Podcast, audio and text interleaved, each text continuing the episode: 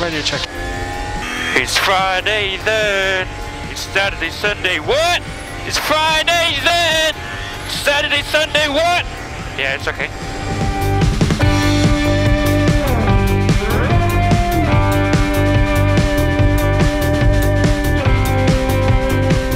Jú, það er pittur eftir eh, Toscana, Mugello, Italia kapasturinn. Landon Norris, okkar maður á vettfangi Getum við ekki fengið handla búið til nýtt jingle fyrir pittin? Hvernig væri það? Það var ekki geggjað. Bara að gera það í gegnum tími reyndi á It's pits, yeah, Friday, Sunday, what? pits,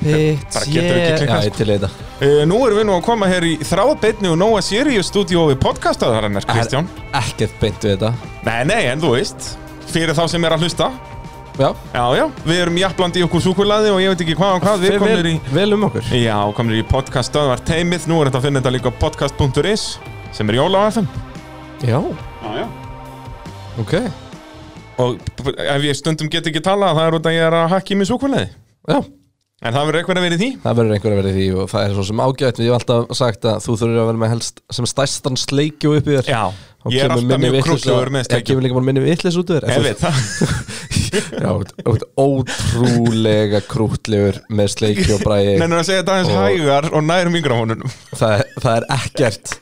Það er engin kaldhæðin í rögninni hér Þú Og- ert ógæðslega krútlegur með Herri, allir við ekki sleik. tala um formúluna á Ítalíu Nei, eiginlega ekki sko, mér líst miklu betur bara að tala um sælgæti Herri Mugello, þetta var heldur betur áhugaverð keppni Ég á búin að segja fyrirfram að eh, ja, Þeir eru líklega glötu keppni en skemmtileg tímantaka Og það var svona almennt uh, séð uh, upplifun fólks að Mugello fyrirfram Já, fyrir En við fengum bara dörrullu áhugaverð keppni Heldur betur maður Höfum ekki fengið rautt flagg í Formule 1 síðan í Baku 2017 Það eru þrjú ár eh, síðan Nú eru komið þrjú í tveimur kefnum Já, ég velti því samt fyrir mig hvort það er bara út af því við erum komið nýjan keppnstjóra. Það getur verið, að bara tjalli væting hann ekki fílað þetta Já. En ég minna fílaði, þú veist, ef að dekja ef ykkur skemmist að þá er rautt flagg er það ekki Bara En sko, standa ég er miklu frekar til í rautt flagg og 20 minna pásu algjörlega en- eh, og ekki tapa tíu heldur en ringjum fyrir aftur 20 mínútur og baka öryggisbíl sko. Akkurant, og tapa, eins og ég segi, Já. þarna fullt af ringjum og með þessum nýju ístörtum og svona þá gefur þetta bara aðra dýnamík í keppnina þannig að ég fíl það Þetta er geggjað Herru, uh, Lewis Hamilton náði sér í sinn hvað, 90. sigur og Mercedes í sinn 100. síðan þeir koma aftur í formúluna 2010 og já. já, í þessar áhöfri kemni, fyrir mig gegnum allt en ég svona ljósaði þetta á Mugello bara leið, ætla þú að þú, Já, þú, ég þú var- vilt koma að trailera strax ef- Eigum ef við að ég byrja- þekki eigum við rétt. að byrja á þessu hér? eða? It's lights out, away we go. And Monsieur Beckham's checkered flag puts the seal on Fangio's win. One, two, three, four, five cars off at the corner. Eight seconds later, and it's Sterling Moss in second place. and James Hunt is the world champion.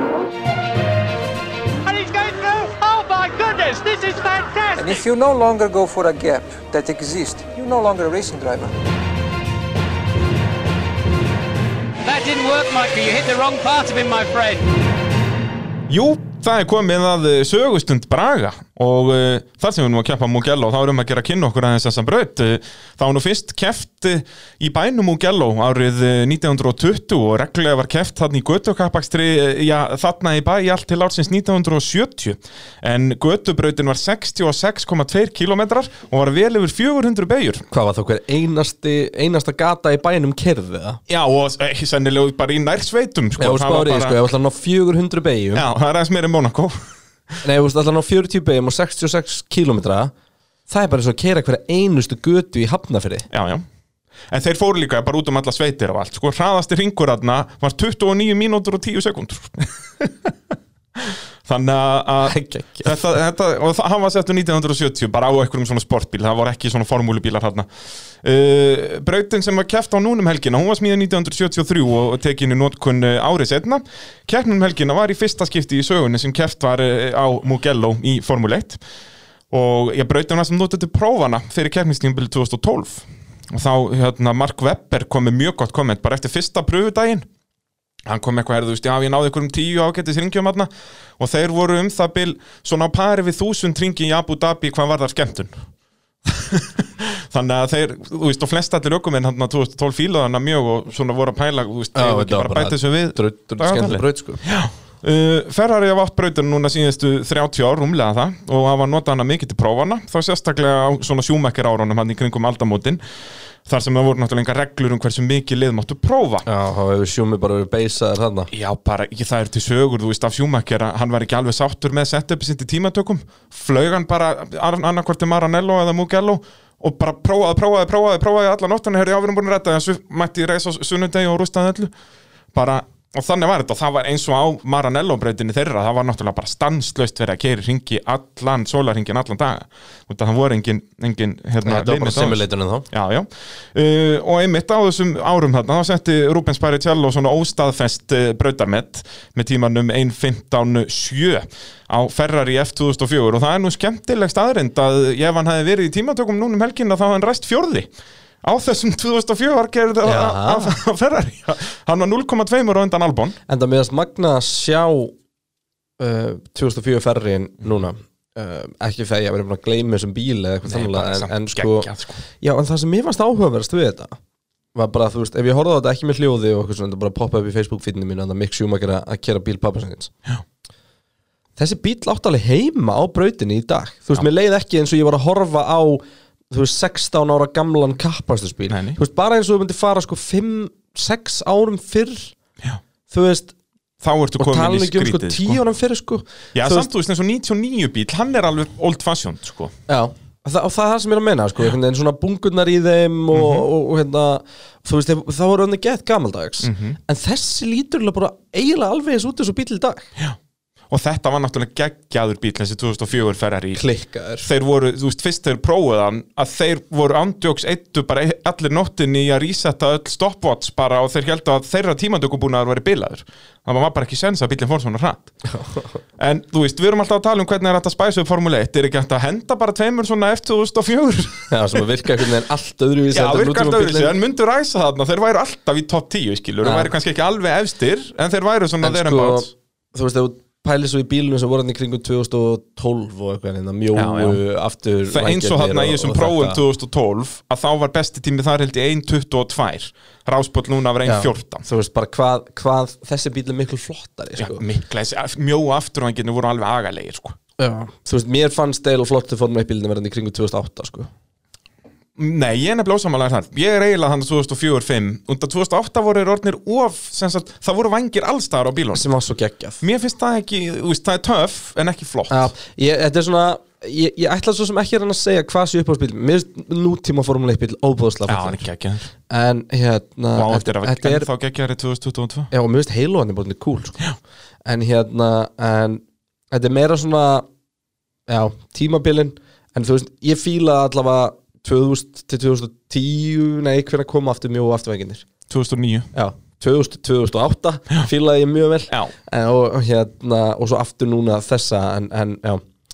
En ertu búin að segja okkur Já, allt frá nei, nei, sko, sko, Mugello alveg. ef að fara að kemna það? það er eitt, eitt punktur í viðbót í, í söguhorni brandsins sem það til og uh, það er alls uh, verður keft þrisvasinum á Ítali í árið 2020 sem að jafnar með uh, bandaríkjana en haldnar voru þrjár keppnir þar í landi árið 1982 í Las Vegas, Detroit og Long Beach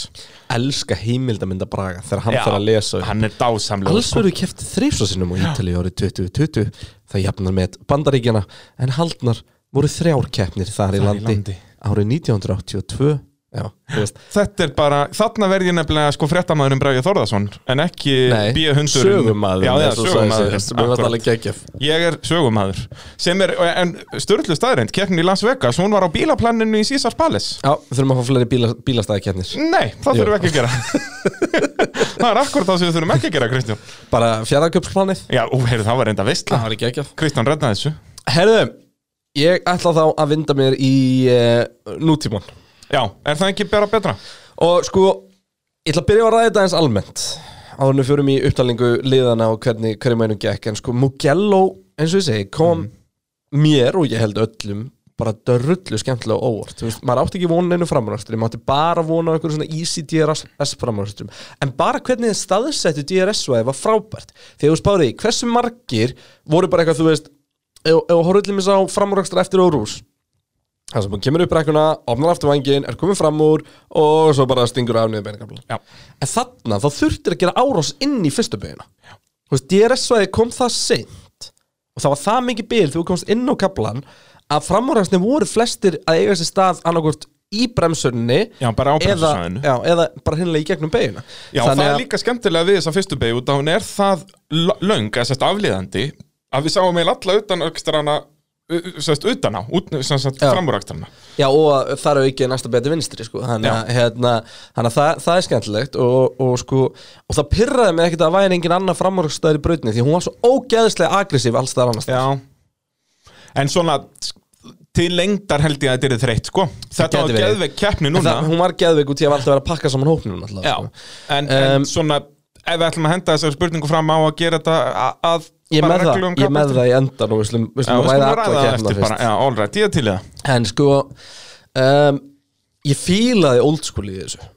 Já, algjörlega, og ég fíl alltaf þú veist eins og Silveston og Spafa og Monsa og þessar Já, en brautir, þær eru þessar old school ekkert brautir. svo rosalega old school lengur Nei, já, þú veist hvað kallar old school Það sem ég kalla old school er það að þú gast hvergi farað hann út á þess að fokka þér upp Já, en ég meina það er nú þannig á Monsa eins og ég öllum beðum á Monsa Nei, Ekki? nei Jú, eftir þeir Eftir þeir tóku malbyggju utan á parabolikunni Þá var það erfiðar, en fyrsta beðan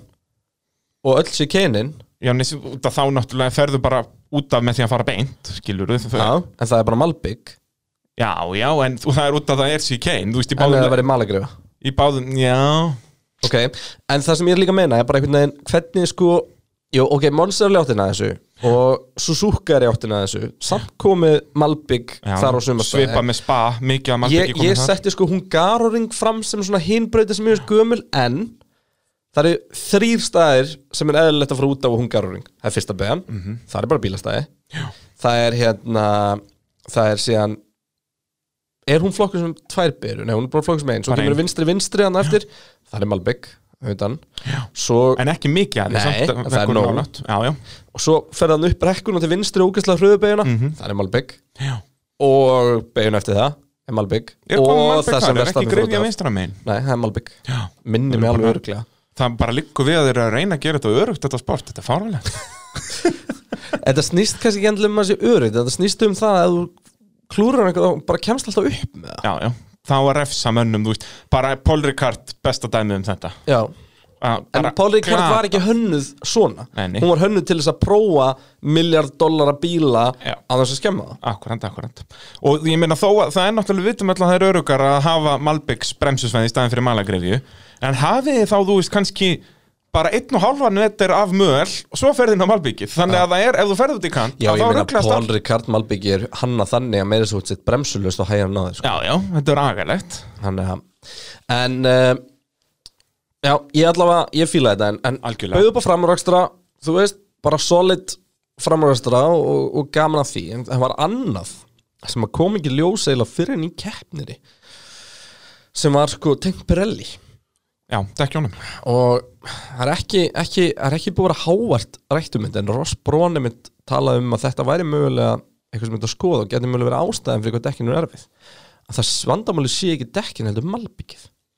Því að malbyggið á Mugello er gamalt Já, já, Það er ekki gamalt. búið að, það er ekki búið að, eða sko Og þegar ég segi þess að gamalt, það er ekki endilega að meina að sé sko Fornaldar malbygg frá 1930 þarna Það er bara ekki búið að setja nýju dýru Formule 1 malbyggin þarna Þannig að það er miklu grófara, það er miklu bara líkara götu heldur en kapparsprut og ég mann til þess ég held að vera á Monsa frekar en einhverju annar af þessu gömlu þar sem hún var svona, það var búið að gera við hluta af brautinni Já, og það var jú, svona í svo Kanada manni, þetta var svaka vandamál þar áður en þeir settu nýja Malbyggið Já, og hérna, en þetta gera það verkum sko að dekkin hittna allt öðruvísi því að malbyggið semst, er svo gróft að það er, að, það er að sko fara miklu dýbra inn í gúmið þú veist, það er- það er- það er- það er meira sem þetta kera sko á möl eða þannig Já. sko. þannig að, að hérna þannig að þetta var að áhrif á sko sliti á dekkinum og það var allt öðruvísi þau voru ekki að slitna út af hita á Silvestó, nei á hérna á, á Mugello eins og gerist á Silvestónum þannig að Heldur bara út af sliti eiginlega sko. og síðan var annar líka það eru hvað, 15 beigur á Mugello 14 eitthvað hannig Fjó, já, já, fleiri það eru Allavega 6 14. bremsupunktar af þessum 14 eða 15 beigum og þú veist, það eru tveir af þeim sem eru þokkalega stórir Þannig Annars þetta er að allt sko- bara hliðarlót í rauninni allt hliðalót meðan að dekkin eru vennilega vöna að fá rosalega mikið fram og tilbaka, lót líka Mhm. -hmm. þá eru það að fá hliðalót, engungu og þetta er að gera þetta er að þetta breytti dekkjarsleitinu rosalega mikið sem kom til mér Já, og til- við þetta er svo sögu hjá öðruvísi sko. Bottas. Akkurat, akkurat Að það var bara, na, eftir nokkar hringi var hann farin að gráta sko. Já, og, og, en þetta þarna virkuðu Pirelli-dekkin miklu nær því sem að F1 vill sko. Algjörlega þannig að Rosbrun talaði um það kannski þurfum við bara sko brautnar ekki ekki dekkin Já, eða malbyggið þetta ég segi það, bara áferðina Jep, hefur að henda okkur í þetta Hvernig væri það? Hundraðasti sigur Mercedes síðan þeir komin í sportið 2010 Það er ekki amalegu pakki Það er rugl En samt var þetta bara fyrsta fulla húsið þeirra á þessu ári Þeir þurftu líka á því að halda sko. Nú eru þeir bara með eitthvað svona 100 stíði fórskot Nei, nei, þeir eru með svona 150 stíði fórskot Í keppni, en þeir hafa aldrei náð semst fyrsta og öðru og Já, hraðasta hring. Hamilton kom með afgjörandi fórustu á Red Bull Já, já, 17 þegar fórskot á, á Red Bull Nú, er svo- nú þyrfti ég eiginlega að fara að finna með bara einhver aðra keppni Fyrst að þessi keppni er búin líka um, fyrst, uh, Fyrsta ræsingin Hann fengur náttúrulega tvær ræsingar í þessari þrjá ræsingar í þessari kemni og, og hérna og uh, Þetta Já. var bara að minna á Indikar bara, þetta var geggja sko, ég endar að spá í hennu það er eitt sem við þurfum að taka fyrir út í að það mun koma við sögu allstaðar mm. og það er safety car í staðið þannig ég er svona að spá í hvort við eigum að ræða það bara fyrst Bara taka það út bara Já, tökum út. Ég til í það sko, þú varst með kenningum en það væri Norris að kenna Nei, uh, Russell Russell að kenna, já, já, já ég var búin að skrifa það hjá mig fyrst að það væri Russell að kenna Nei, þú skrifaði Latifi Út af það er í rauninni langt þægilegast að benda á Latifi Út af því að hann fer í rauninni fram úr já, já, Magnussen en sko, í punktunum um Russell stendur þetta- var þetta Russell að kenna Nú, ok Já, það var fyrsta sem ég skrifaði, svo kendi ég Latifi um Já, þetta, það er mjög auðvelt að kenna mjög mörgum um þetta en ég er búin að fara í gegnum ógæðislega mikla greiningu Já Eða að byrja kannski að útskýra af svona hvað gerðist Já, fyrir þá sem sá þetta ekki Já. Það séðast að rosalega langur ráskabli á Mugello og pitlegin, eða sérst öryggisbíla línan eða, eða tímalínan er mjög aftalega þannig að það er rosalega langur beitt kabli fram að línu en það er líka hellingur að beinum kabla eftir hana og ef þú ert fyrstur þá viltu ekki bara byrja að gefa í byrjun með bíl 0,3 eftir þess sem mun alltaf taka fram úr á beinumkablum, bara alltaf Og er komin á undan fyrir og fyrstu það beygju. gerðist í sko, það var- það voru öryggisbílar í öllum mótaröðunum sem kefti hérna um helgina og allstar það sem að ögumæður bara gaf í eins og hefbundi var á, á baku öryggisbíl út úr síðustu beginu eða eitthvað álíka þá var hann bara í etin og ég vil komin í þriða fjóra seti fyrir fyrstu beginu Akkúrat. um, þannig að í þessu öryggisbíla ríðstæði þá er Bottas fremstur og hann bara býður og býður og býður og býður og býður og býður og fer á síðustundu Og Sem það- er bara sniðu og ég taktík ætla bara að segja hér nú, það er ekkert að því sem hann gerði, það er ekkert sem bannar það og ég held fyrst, eh, út í hann alltaf gróð sem kemur hann bara, hvað er þessi gæja fremst að drepa okkur eða eitthvað, þú veist, alveg brjálæður og skiljanlega, því þetta leit þannig út en eftir að maður svo omborti hjá, hjá Bottas, hann var eins og hann væri í cruise control, sko. þú veist, hann var bara á fixtraða og bara held honum Það er í rauninni- alla leið. ein- eina reglan í þessu er að þú mátt ekki gefa í bremsa Gefa í bremsa Þú Já, verð- og þú, ef, verður að þú, halda ef þú ert búin að góa þá máttu ekki hægja þar aftur Akkurat, akkurat Og hann Þannig að- gerir allt rétt bara að, að Þú hefur alveg aðal rás- ráslínunni til þess að gefa í Já. Og hann gaf í þar Eða teknilega þarfst ekki að gefa í á ráslínunni En, en það náttúrulega fara þetta fram úr þér það sem gerist aftast, aftar er raun og veru að þetta er alveg blind, það er allir í kjölsóslínu og Og náttúrulega blind, sko, beinikablin er yfir smá hæð já, þannig að þú það er- sérð ekki aldrei fremstu bílina þóttu farið mennst til hliðar eða út aftastur sko. en þ- allt í einu er, er aftari hluti hópsins komin að brjálaða ferð og úrverðu krass sem tekur út hvað, Sainz, Latifi og Fleiri og fleiri, fleiri það voru ekki- fjóri sem duttu út Voru þeir bara fjórir? Já, duttu út dutta- þarna Já, duttu tveir út í byrjun Fjórir eða fimm, jafnvel þarna Já. Eh, Sainz, Latifi, Giovanazzi Giovinazzi og Giovinazzi var alltaf aðal krassa Já, hann náttúrulega flýgur hann bara í hefðin að loft, sko. veltingi sko. Já Sænseppin, hann var hann næstu búin að bráka á sér eh, hérna, hendina Já, og heiluða, hún risa biti úr bílnum á Stjúvanitsi í heiluða hjá honum Já. Þannig að, að hérna, hver, var- hver að fjórði? Var ekki einhver has? Jú, Magnúsen náttúrulega Já, Magnús, Giovanazzi bombar aftan á Magnúsen alveg rétt Þannig að, að hérna, þannig að úr verður uh, þessi, þetta krass og það eru sérst nokkri hluti sem við verðum að kenna um þetta og í fyrsta lagi er það það að sem sagt, til þess að reyna að koma einhvern veginn á óvart, óvart eða eitthvað þannig að gefa þeim minni tíma til að undirbúa sér fremstamannunum þá slekkur öryggisbyttin ljósin seint og það er vist eitthvað sem er búin í gangi án þess að sé eitthvað rætt bara í sömar yfir höfuð Já, já um, það breytir því ekki að fyrirfram það er ekkit eitthvað bara, herru, ég ætlum að slökka ljósin núna fyrirfram er gefið út hvar öryggisbyndin slekkur ljósin þegar hann ákominn Þannig að callið um safety car restart þarf að vera komið á x stað á brautinni til að öryggisbylina við tíma til þess að slökka ljósin Akkúrat, bilda akkúrat, smá já. bil uh, áður og þetta, Þannig að- þetta, þetta er bara Það þú veist- vita þetta allir Já, þú færð bara, þetta bara kemur í pakka sem þú færð fyrir keppnuna Já. Það er bara hérna, hérna, á milli beigju 12 og 13 uh, slökna ljósun öryggispilum Bara ok, flott, noted Bara En svoleiðis. það ætti kannski að vera hérna á milli beigju 8 og 9 Já, skilurðu. já, já. Og það er svona klassíst um, Ef við tökum einhverjum svona braut sem allir þekkja, Monsa til dæmis Þá minni mig að öryggispilin hafa alltaf átt að vera búin að slökka ljósin fyrir Ascari Já, já, akkurat, Þú sem veist. er þarna Já. í rauninni þriðja síðasta beigja en Það var okkur ekki beint eðlilegt að myndi slökku það bara fyrir parabólikunum Nei, nei. Þú veist, og ég raun og veru hvort það var meira að segja bara út úr lesmóðinu sem að slökkur eða eitthvað hannig og hérna þannig að þetta er svona, þetta er, þetta er pínu þetta er pínu dodgy allt saman en það sem að gerist að mínu mati er sko Rikki Ardó í beinu, beinu á, bara, þú veist, á beinakalunum fyrir síðustu beinu á bröðinni er svolítið á eftir og hann er svolítið á eftir maður sjá, ég var með þetta hérna allt saman hjá mér þetta er bara svo brjálega listi hann var svolítið fyrir aftan stról og Hann er þarna á milli hann gefur í til að ná stról og næsti bíl sem er Peres gefur í til að ná Rikki Ardó og þannig heldur þetta svona áfram og þetta verður svona svo kvísluleikur þar sem allt verður aðeins yktara eftir því sem lengra er komið Já. og í endan þá er þetta bara orðið of mikið þannig að það verður til einhver svona bylgja sem að bara magnast með hverjum og einum sem að gera þetta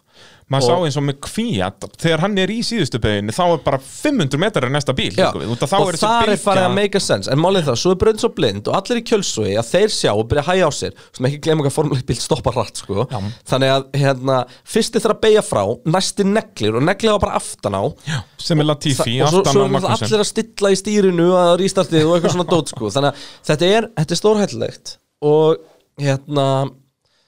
og það þarf eitthvað aðeins að breyta en það breytir því ekki að þú veist það er búið að kalla eftir eitthvað, að breytingar og seftingar í start og eitthvað svona, jari, jari, jari við höfum samt aldrei síðin eina klessur eftir öryggispill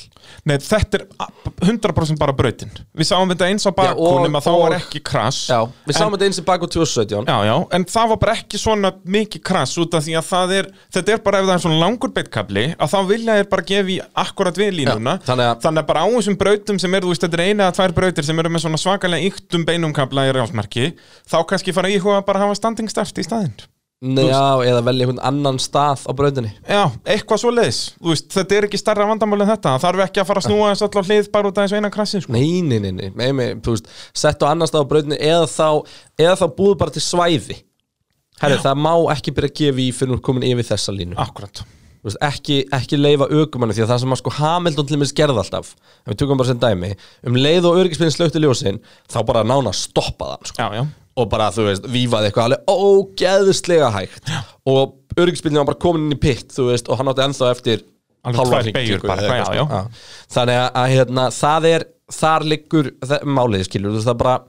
það þarf bara að vera aðeins skilgrindar á svona braut já Já, einmitt, á svona braut, þar sem þetta geti verið eitthvað ökumenn, vandamál. sko, málið er það, það er enginn sem gerir neitt heimskulegt þannig per se það er allir í fullum rétt að gera það sem ég gera og þessi aftan á, sem að keira aftan á þeir eru bara að bregðast í bílunum fyrir fram að sig og það er það sem þú gerir í öryggisbílar í starti Auðvitað. þú veist, þú ert bara að elda bílinn fyrir fram það er engin ljós, það er ekki neitt, skilur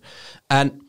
það mætti þó líka bara horfa á hvort að safety car Íslandi ætti að vera meira svona eins og fljúandi start í hérna sportbílakapitri þar sem þeir koma hérna tveir hlið við hlið bara og svo bara grænu flaggi veifað og bara, þá má fyrstu gönna og stundum gönna hann strax, stundum gefa hann þessu 2-3 sekundur en þú veist, línan er alltaf bara þarna og þá verður að vera farin að stað Akkúrat. þannig að þetta er, þetta er, þetta er flókið en ég endan engum að kenna eitthvað sem þarf að skoða samt sem maður Já, en samt eins og segi, þarf bara að skoða á brautum með svona lungum út af þetta er aldrei vandamál þegar þeir eru alltaf bara að gönna út í síðustu beigju, þá er þetta ekkert vesinn Enga veginn En um, þá, þá förum við að ræða Já. það sem við ætlum að Þá gera getum við byrjað á Mercedes En bara, uh, ef við höfum tíma fyrir það Það er allt komið á, á r- rétt núna, nú getum við rætt þetta bara svona eftir því hvar liðin eru í keppni bílasmiða og þá erum við svona sirka að tala um rauðina í keppninu líka Já. Allt samkvæmt plani En uh, Mercedes, þeir sigra þessa keppni og Hamilton uh, Já, langfljótastur í tímantökum Já, hann Geggjaður. bara botta samt ekki breg og hversu pyrrandi að vera Bottas því að þú mætir og þú ert fi- bestur í á fyrsta áfyrstæfingu, þú mætir og þú ert bestur á annar áfyrstæfingu, þú ert bestur í Q1 þú já, svo byrjar Hamilton bara að etsa því í Q2 Mhm. og tekur því í Q3 það, Hamilton hefur gert þetta svo oft við Bottas ég veit ekki hversu oft hann hefur gert þetta ég man þú veist, í fyrstu held ég eða eftir austuríkiskapættunum, hann gerir þetta í báðum Silveston keppnunum og eitthvað meira það er bara, Hamilton hugsaði hérna, já, byrju, nei, núna þarf ég að gera hratt já, best að fara að gera hratt Ógeðslega góður þetta er bara rugg, sko. það er eins og hann sé að reyna þetta svona ándjóks, bara, bara byggja Bottas upp til að geta brotið það niður En síðan á Hamilton glatað start í Já, byrjun alveg Og- bara það vestar sem maður sem við séð bara í einhver ár sko. Þið voru að ágjörða að vera eitthvað að kúplinginu í honum Því að sko, rétt á hann að fyrir stað Þá reyfist hann sko Já, Og í alveg svona vafasamt þjófstart er, Já. sko. Það er mikil reyfing sko það var svona bara svipað eins og með Bottas var það ekki Silveston Jú, en það er ókslega, Já, veist. það er ókslega auðveld að sjá þetta sko út í Því að hann er með eitthvað drullu á dekkinu Þannig hún sér ekki Já. ekki auðveld hvað það er að Sér reyfast það mikið fyrir sko hann að hvart ring Já, en hérna En Svo virtist það ekki vera, hann lofa fekk ekki þjóstaðsrefsingu og, og, og setnistörðin hans í keppni voru ekki slæm Þannig að, að hérna, en og við raun og veru bara heppin þannig að, að verstapin lendir í vesinni í ræsingunni því annars er verstapin getið það líka sko. Já. En þá er Bottas komin í fyr- fórustuna, Hamilton heldur uh, öðru sætinu og heldur því í raun og veru fram að næsta rístarti mm Mhm. -hmm. Það sem að Hamilton gerir akkurat það saman og Bottas gerir fyrstartinu og bara tekur framrúnum uh, Þriða startinu þá er Hamilton bara aftur með geggjaða ræsingu og ekkert Og vesinn Bottas ekkert spes Þannig að enda, ef þú það- það- þú veist, ef þú ætlar að kasta tennum þrísvar í starti, þá var ég ekkit hissa að Bottas kemur upp einu sinni Já, það er svolítið þannig sko. Að maður, þú veist, Það er mjög auðvelt að horfa á þetta eins og með síðast að starti þú veist, að Bottas vart með fullkomi tækifæra af hverju nýttir það ekki og eitthvað en þá eins og þú segir að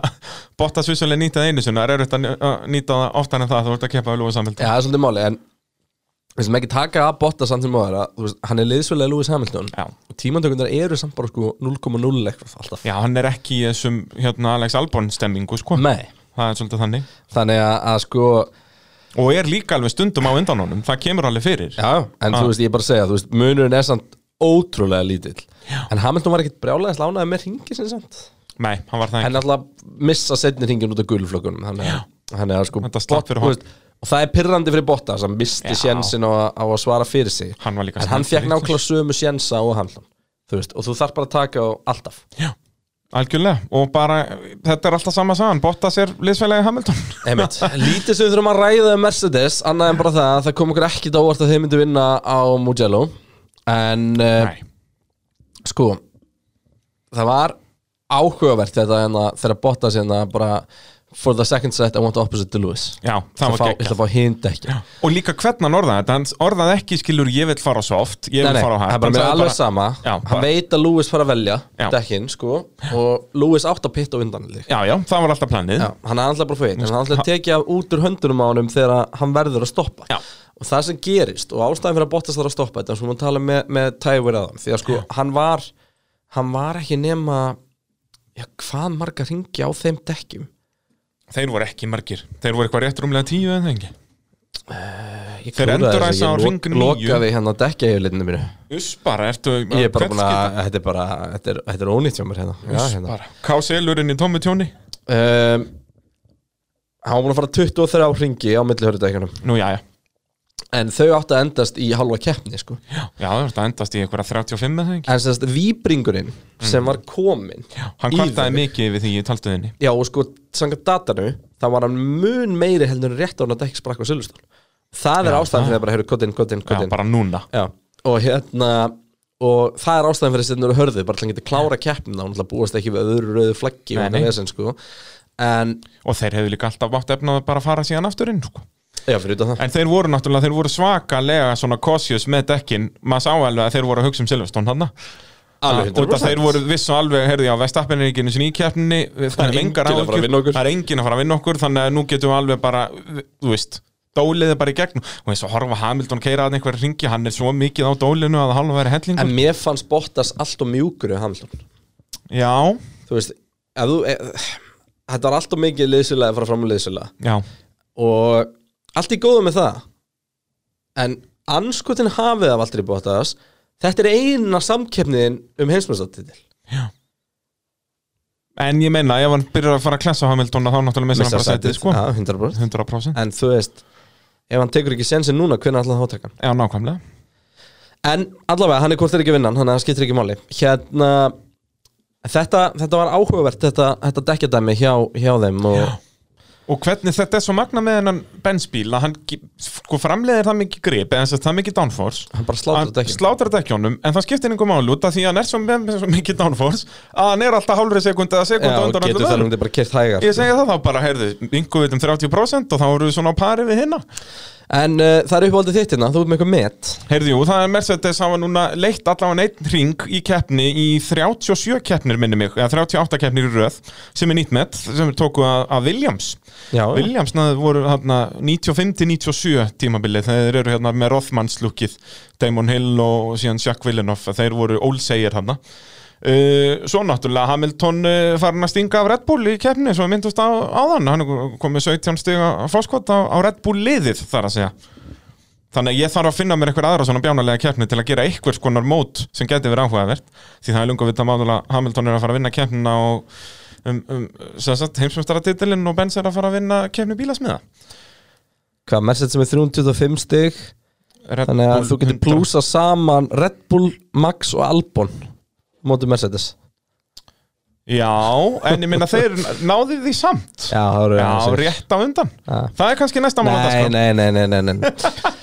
Herðu, færum okkur í Red Bull með þessu og það var eitt sjóðandi heitur brjálaður hollendingur þarna um helgina Og Heldur ég- betur. bara, Ég held við ættum að heyra þeins fyrstu ringina Þetta er bæði brjálaðislega áhugavert, bæði sko krassið Það er búið að taka saman sko þegar hann er að koma svo á gritti og allar stillingarna sem hann er að fá Já. og, uh, og Ef ekki bara síðan taka góða mínúti í þetta Jó, síðan, síðan alveg f- að krassi og, og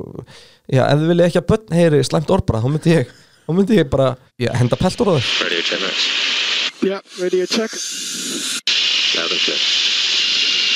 Okay, running through your formation lap procedures there. Pit lane speed limiter off for the German grid launch. Uh, static bar on time once the car is on the ground and carry out your launch to third gear. Mode 12 before turn 1. Then during the formation lap, if it's possible, between first and second gears. And then as you come out of turn 15, from Giovinazzi's grid position, which is just after our own pit wall, click the overtake. Three short burnouts. Three short burnouts. And as ever, perform the extra ramp rather than coasting down into your grid box. Last car's joining back of the grid now. Donald Power! Max. Uh, Okay, got you. I'm stuck! This is what you get with this fucking shit show, honestly! Hann er gjössamlega brjálaður Það er bara, þú veist, maður hefur alveg heyrt Vestappen brjálaðan en sjaldan svona brjálaðan Hann er alveg bara og sko líka eitt sem ég vil koma inn á er að- að semst, malargrifirnar hérna virtust vera eitthvað aðeins erfiðari þú veist, eins og á Silveston, þá geta þér yfirleitt spóla sig upp úr þeim. ekki út stopp Nei, Ah, En leðu kannski stoppar ekki. þá ertu pizzaður sko Já, ef þú stoppar líka í sest, öfug akstusátt og ert búin að Já, búa þú þér til verður bara að hólur grafa þig sko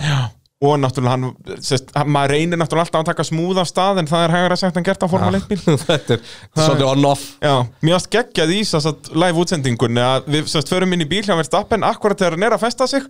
og hann bara fer í sturtu af grjóti þá er hann akkurat að spála og við séum hann bara rigna grjóti yfir hann bara býta hvað er að gerast hérna?" þetta En uh, sko, Verstapen byrjum bara, byrjum bara að tala- taka hann á nú tölum um, uh, tölum um Albon Það er hérna, alveg, hann komst þrjár beigur hvort þrjá beigur Hann er dettur út úr tveimur keppnum í Eh, náði röð. frábæri ræsingu upp að svona þriðja gýr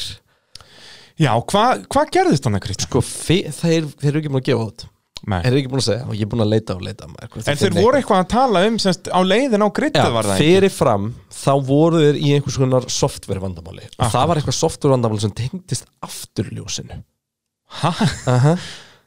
Og átti það að hafa rugglega þessu allu upp? það var eitthvað að steikja kerfið Það er svoleiðis Já. og f- segjast eru búin að finna út í því og laga það á leiðin á gritið Mhm. og hann kvartar ekkert upp innan hringnum sko og Nei, nei, og hann fer vel af stað En hann, svo já, bara, hann eins og er segir, frábæra ræsingu bara um leið og hann en þarf það er eitthvað svo tók geggjað að hlusta á þetta hana. hann er byrjað að öskra með já. 20 formulebíli kringus á leiðinni í fyrstu beigju Jep hellast fannst mér samt sko ég veit ekki hvort við eigum það en Latifi var talandi á meðan hann var að krassa Já, alveg rétt já, þegar hann er byttið jú, hlustum á það what is the leader's doing? Like he's accelerating, going, accelerating, going. okay. Þetta er bara Eh, dásamlega Þetta var svolítið, svolítið uh, frá Red Bull en, en samþyngum það en, Já, já, en við hérna, leyfum þetta, þetta. þetta meikaði sens Ég líka það, ég held að þetta- þetta sé bara í fyrsta skipti sem ég heyri Latifi tala Hann er Já, aldrei liggur í við, viðtölum, sko. maður Ég, hlustar ég aldrei heyrði á hann þarna þegar hann var að kveðja Claire Williams Já, alveg rétt, jú, jú, maður horfði á það En ég þekkti ekki röddina, sko Ég, Nei, var ekkert, nei. ég veit að það alveg skilta verið bara einhver engineer eða Já, eitthvað, já, sko hann er líka með flottan reym og Já, svona, þetta er gæti, verið sko. movie star Flottur, flottur En Red En Bull sko. þeir eru ekki búin að gefa út hvað þetta er Allavega ekki þegar við tökum pittin hérna núna daginn eftir En, en hérna En uh, eitthvað var það Síðan semst bara er hann hægur Komin inn í miðjan pakkan Og þá bara getur svona gest Já. Brauta leiðjóti býður upp á nákvæmlega þetta Og þú veist, það var algjört kaos í þessum ræsingum Það voru Já, bara einhvern ég meina, hann veginn var bílar líka- út um allt Já, já Og raun en- fárlegt að þetta veri eina krassið í starti sko. Já, en þetta var líka alveg tók alveg hann eiginlega þrjábíl út, við tölum það á eftir þegar við tölum um Haas, hvernig í óskopunum grósjan lið þetta það var fárlegt en hérna en sem sagt Uh, á bakvið hann verður, verður er Gastli samlokaður af Kimi Rækonen og Roman Grósjan Já. og Rækonen í framaldi keri aftan á verstapen sem hann snýst út af og Og þar mér er sem þetta bara búið. Vettel missir framvængin, ég meina hann var heppin að bara skemmi ekki bílinn Já, fell, nei, fell kerið á Sainz Já, ég segi það, Já, uh, já. að, þetta voru alveg, þetta var gott pæl-up Já, tengd, já, það verður náttúrulega allt kæði verkandi Já. Og Fólk að einhvern færa veginn sig mann er- frá einhverju og maður- keiri þó inn í hliðin á einhverjum og eitthvað þannig sko. mann fannst einhvern veginn, þetta var ekkert einhver meinum að kenna fannst mér, þetta var bara svona þeir eru Þetta var kannski bara ekki alveg pure vanir- racing incident Já, er það ekki? Jú, þetta var bara Gastli sé bil og bara reynir, fer í bara. það og Grósjan veit ekki af honum og þungar hann í áttina Kimi sem að klippir hann og þú veist þetta var bara púra racing sko Já, eins og Arton Senna segir, And if you no longer go for a gap that exists, you're no longer a racing driver. bara bein Þetta er endur engi ekki aðstæða Þetta er bara besta kvot sem við veitum Já, me- ég vendur alltaf verið, verið hérna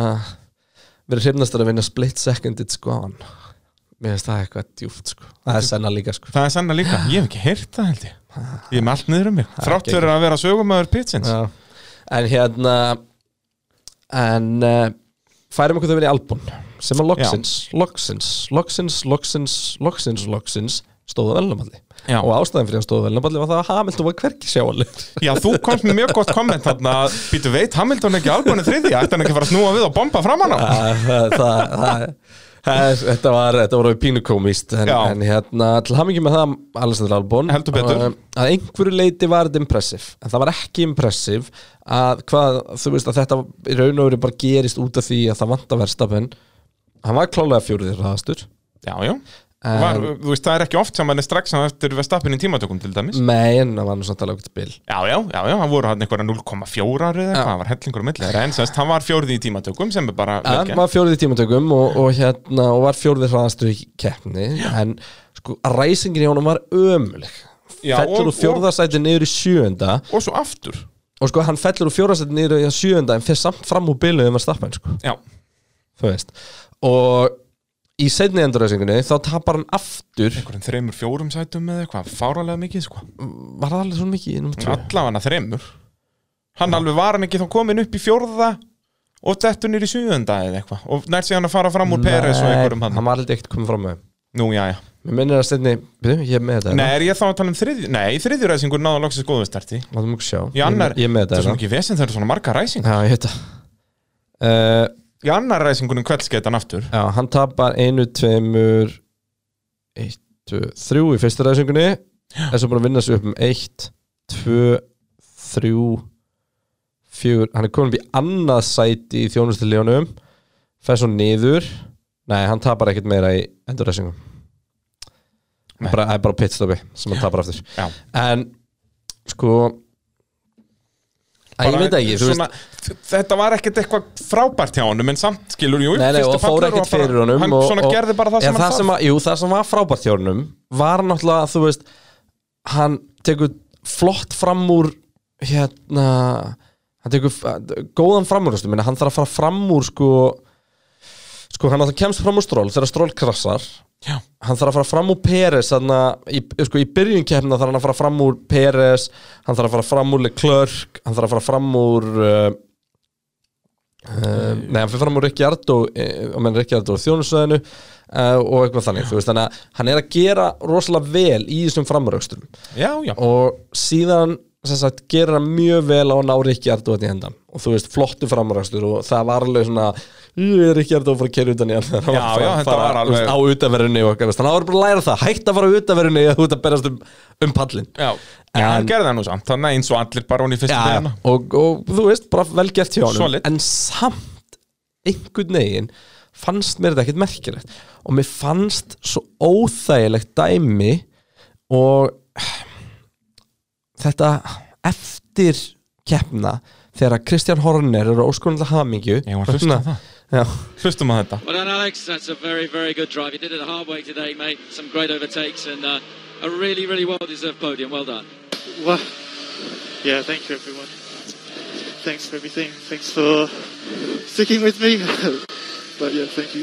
Thank- thanks for sticking with me Þú veist, þetta Bara er bara eitthvað- svona þetta hann er bara mjög svona eins og einhver vandræðalegt. mús í bílnum með engan pung Já. og bara skítrættur einhvern veginn og að gera alveg býð eftir að reiki Já, þetta er svolítið þannig að bara eitthvað Thanks for stick mér- Þetta er alveg bara Eitthvað veist- sem maður vill ekki heyra frá kapastusökumenni sko. einhver gæi hefði við- þess- þú veist, hendi bara þú veist, og ég vil taka það fram að ég er, ég er ekki að meina með það að þetta geti bara kallt maður en bara einhver sem er bara með smá sko smá bara þor, Bara þor, þú akkurat. veist, hefði bara eitthvað bara, þetta er ástæðan fyrir því um mig Já, ég segi Þú það Það er veist. tekið hinn pólinn í hæðina sko. Meðan Albon er bara eitthvað Æ, þið eru svo frabærin í ég Já, takk. Þetta er svona, já, já. en það er líka svolítið með það að gera að þetta, þetta væri allt annað ef hann hefði verið að, þú veist, unnið verð stappin í þessari keppni fyrir en skveri eða eitthvað þannig, þú veist, Já. þá hefði ég að púla allan tíman þetta en, en eins og segja, hann var bara þarna fjórði hraðast í brautinni og náði þriðja bara út og, af í, að- og í mínum huga verður hann bara að fara að vinna verðstapin einu svona einu svona til þess Já, að taka sanna svona eins sig og Bottas, skilur Bottas, hann er stundum á undan Hamilton allavega í, í tímatökum og eitthvað svo leiðis Slúðupressan segir að Kristján Horner hafi hringt í Peres þegar fréttin að koma út Það er svo leiðis Það Ég, ég, segir ég, ég slúðurpressan. efa það ekki neitt, sko En við erum með, við erum með smér, sér segment um Fettel, Aston Martin Já, og eftir þannig heldur betur. Peres er vist einhver hluti að því Uh, það er náttúrulega ef maður rýnir í Albon er komin í fjöndarsætið Í keppni Ökumanna. ökumanna, já, já En ég menna hann var í fjórðasendar fyrir tveimur keppnin síðan, sko Hann bara datt nýr í sjötta síðast og, og hann komin upp í Alltaf komin 15 upp í núna. fymta Þannig að Og hann er er bara bara- einu stíu eftir því þar sem hann á að vera Nei, Já. fyrir ekki einu, einu sæti ég ætla að segja. Tveimur stigum bara, Já. það eru bara 65 stig í, í þann sem er í fjórðasendi Nú, eh, Albon eh, var komin hættulega nálægt í að komast í fyrsta seti þeirra Red Bull ökumanna sem aldrei komust á velunapall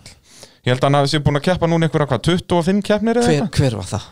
Það er Kristján Klín sem á það Hann Christian fór, 20 Klein, já. já, hann fór 28 keppnir Já, þeir voru með svo geggjaða ökumennum tímili Scott Speed Gulpert og, og Klín Já, og Speed var hann í, þú veist, hálft ára eða Hversu cool er að heita Scott Speed? Já, bara ef hann kynna eitthvað að keira Það er reynd- það er reyndar- það er reyndar annars svo allar í Indikar Nú? Willpower Já, það er reyndar oh, Það er grjótar Og hann er líka alveg segur, sá A, Willpower En líka bara Willpower Willpower Það er, það kemur er við nokkuð Scott svona sem voru aukjörlega fættir í þetta Þetta er alltaf bara eitthvað talið eitthvað sko. nætsnöpp Já, já, það We're here with Ricky Bobby Já, ég veist, ég, ég bara liftum að Queen og, og, og Willpower Já, það er bara búið að ákveða þetta snemma Já, Það er Herru, svolítið svoleiðis. erum við þá hoppir yfir í hvað? McLaren, herru, Já, já. þriðju stegakefni uh, bílsmeða Já, eru sko með 160 þar á móti 173 hjá Red Bull Já. Ég, ég ákvaða að, að byrja umræðinu McLaren með að henda í hérna hva, Hvar voru Sainz, Gasly og Stroll um síðust helgi? Nú eru þeir allavega í veggjónum Það er svona up and downs of Formula 1 Æ, ég hugsa, þetta hefur samt allir tekið þessu sko Fyrirfrá Já, all, ef þú hafði sagt við það fyrir Monsa, heyrðu, þið verða á palli núna en Já. þið dettið út næst, Ég þeir er bara fremst. heyrðu ákvæðan skrifa ég undir þetta Akkurat um, Erfið ræsing og Sainz og náttúrulega bara þetta spinn í kaosinu í byrjun Fettel keiri svo áan og, og allt, í, allt í tjóni Já Hvað var það sem spinnaði Sainz? Var hann, Hann bara svona reaksjón eða þannig, Var hann er það að reyna, reyna að beigja undan já, ykkur og bara missir það já. Mér myndi það alveg, ég bara fatta allt í einu, ég glemd, glemd að skoða það. um, Liz, hann endar svo náttúrulega í þessu massa krassi þarna í Já. öryggisbílar í startinu og, og klára keppnið svona þar um, var nýjundi tímatökum, Norris 11. tímatökum, klára sjötti er komin í fjóruðarsæti í stíðakefni ökumanna, taka fram að Carlos Sainz er 11. Já. og þú veist hann er með 41 stig og 18 af þeim koma Monsa sko Já, já, Þannig algjörlega að- Og þannig að- meðan að Norris er með 65 stig Þannig að þetta er, þetta er svona einhvern veginn ekki alveg að ganga allt saman upp hjá McLaren núna en, en um, Ég menna samt Ef þú hefði verið fyrir tímabili, heyrðu, eftir Monsa eða eftir Mugello, þá verði í þriðja sæti í kefnum já, já, já, jú, jú En þú veist, þetta er samt þeir gætu verið með helmingi fleiri stík neðin sko Já, ef að Sainz, þú veist, Sainz er bæði búin að vera óheppin og náttúrulega uh, búin að gera eitthvað með stök og svona, en samt eiginlega ekki, hann er aðalega bara búin að vera óheppin Já. Bara ré- réttur maður á röngum stað um, En svaka skeri krass, þú veist, þegar maður horfur inn á bíl hjá honum og sérst, út að ég tók eftir því að hann var halda um Já, höndina um þarna. úlnliðin. og þegar maður sér út að hann heldur í stýrið allan tíman og það tekur svo kippi svo svaka líjan að það er mjög bara magna að hann hafi ekki farið úr einhverjum, einhverjum lið þarna í úliðnum sko. það er ógislega skrítið þegar þeir eru kent það í single seater að ef þú hefur tíma til þess að krassa Mhm. þú, veist, þú veist þú var að krassa þá áttu semast að sleppa stýrinu og krossleggja hendur Já, við bringuna bara Við bringuna. Akkurat, þetta er sama og kent aðstofaraukumunum í rallu og þá hafa þær ekkert aðhaldi í hvað sem er Akkurat Það er ekki séns að gera þetta og heldur í stýri sko. Nei, er það nokkuð? ég Viltu var ekki ekkert bara tíma, ég, grípa ég átti ennþá? eitt eitthvað krass og kroft sem var auðarlegasta sem ég veit um og m- svona í minningunni var ég svona þrjá daga að renni við grassið að dekkjavegnum og hérna og þú veist ekkert högg þannig séð en hérna en uh, Þú- þú varst ekkert á þetta var- leiðinni að fara að sleppa stýrinu, nei og hérna þetta var svona eitthvað var eitthvað svona hérna þú veist þeir eru kent þetta en, en ég, nú hef ég átt nokkuð krössin Mm. og ég, mér var að þetta eitt og ég ætlaði ekki að gera með sögustund ég gæti komið með sögustund eftir Það er svo leið, nei, Já. hendur bara í hana núna þá. Já, ég hendi hérna núna Já, þú getur En ekki sérst- bara að tísa okkur Sérst svona. með úlliðin sko Þegar ég einmitt, eh, brákaði mér úlliðin í þessu krassi eða eitthvað þannig eitthvað svona, þú veist, það tók mér Ertu marga að segja mér að 18 ára drengurinn hafi verið í vandræði með úliðin?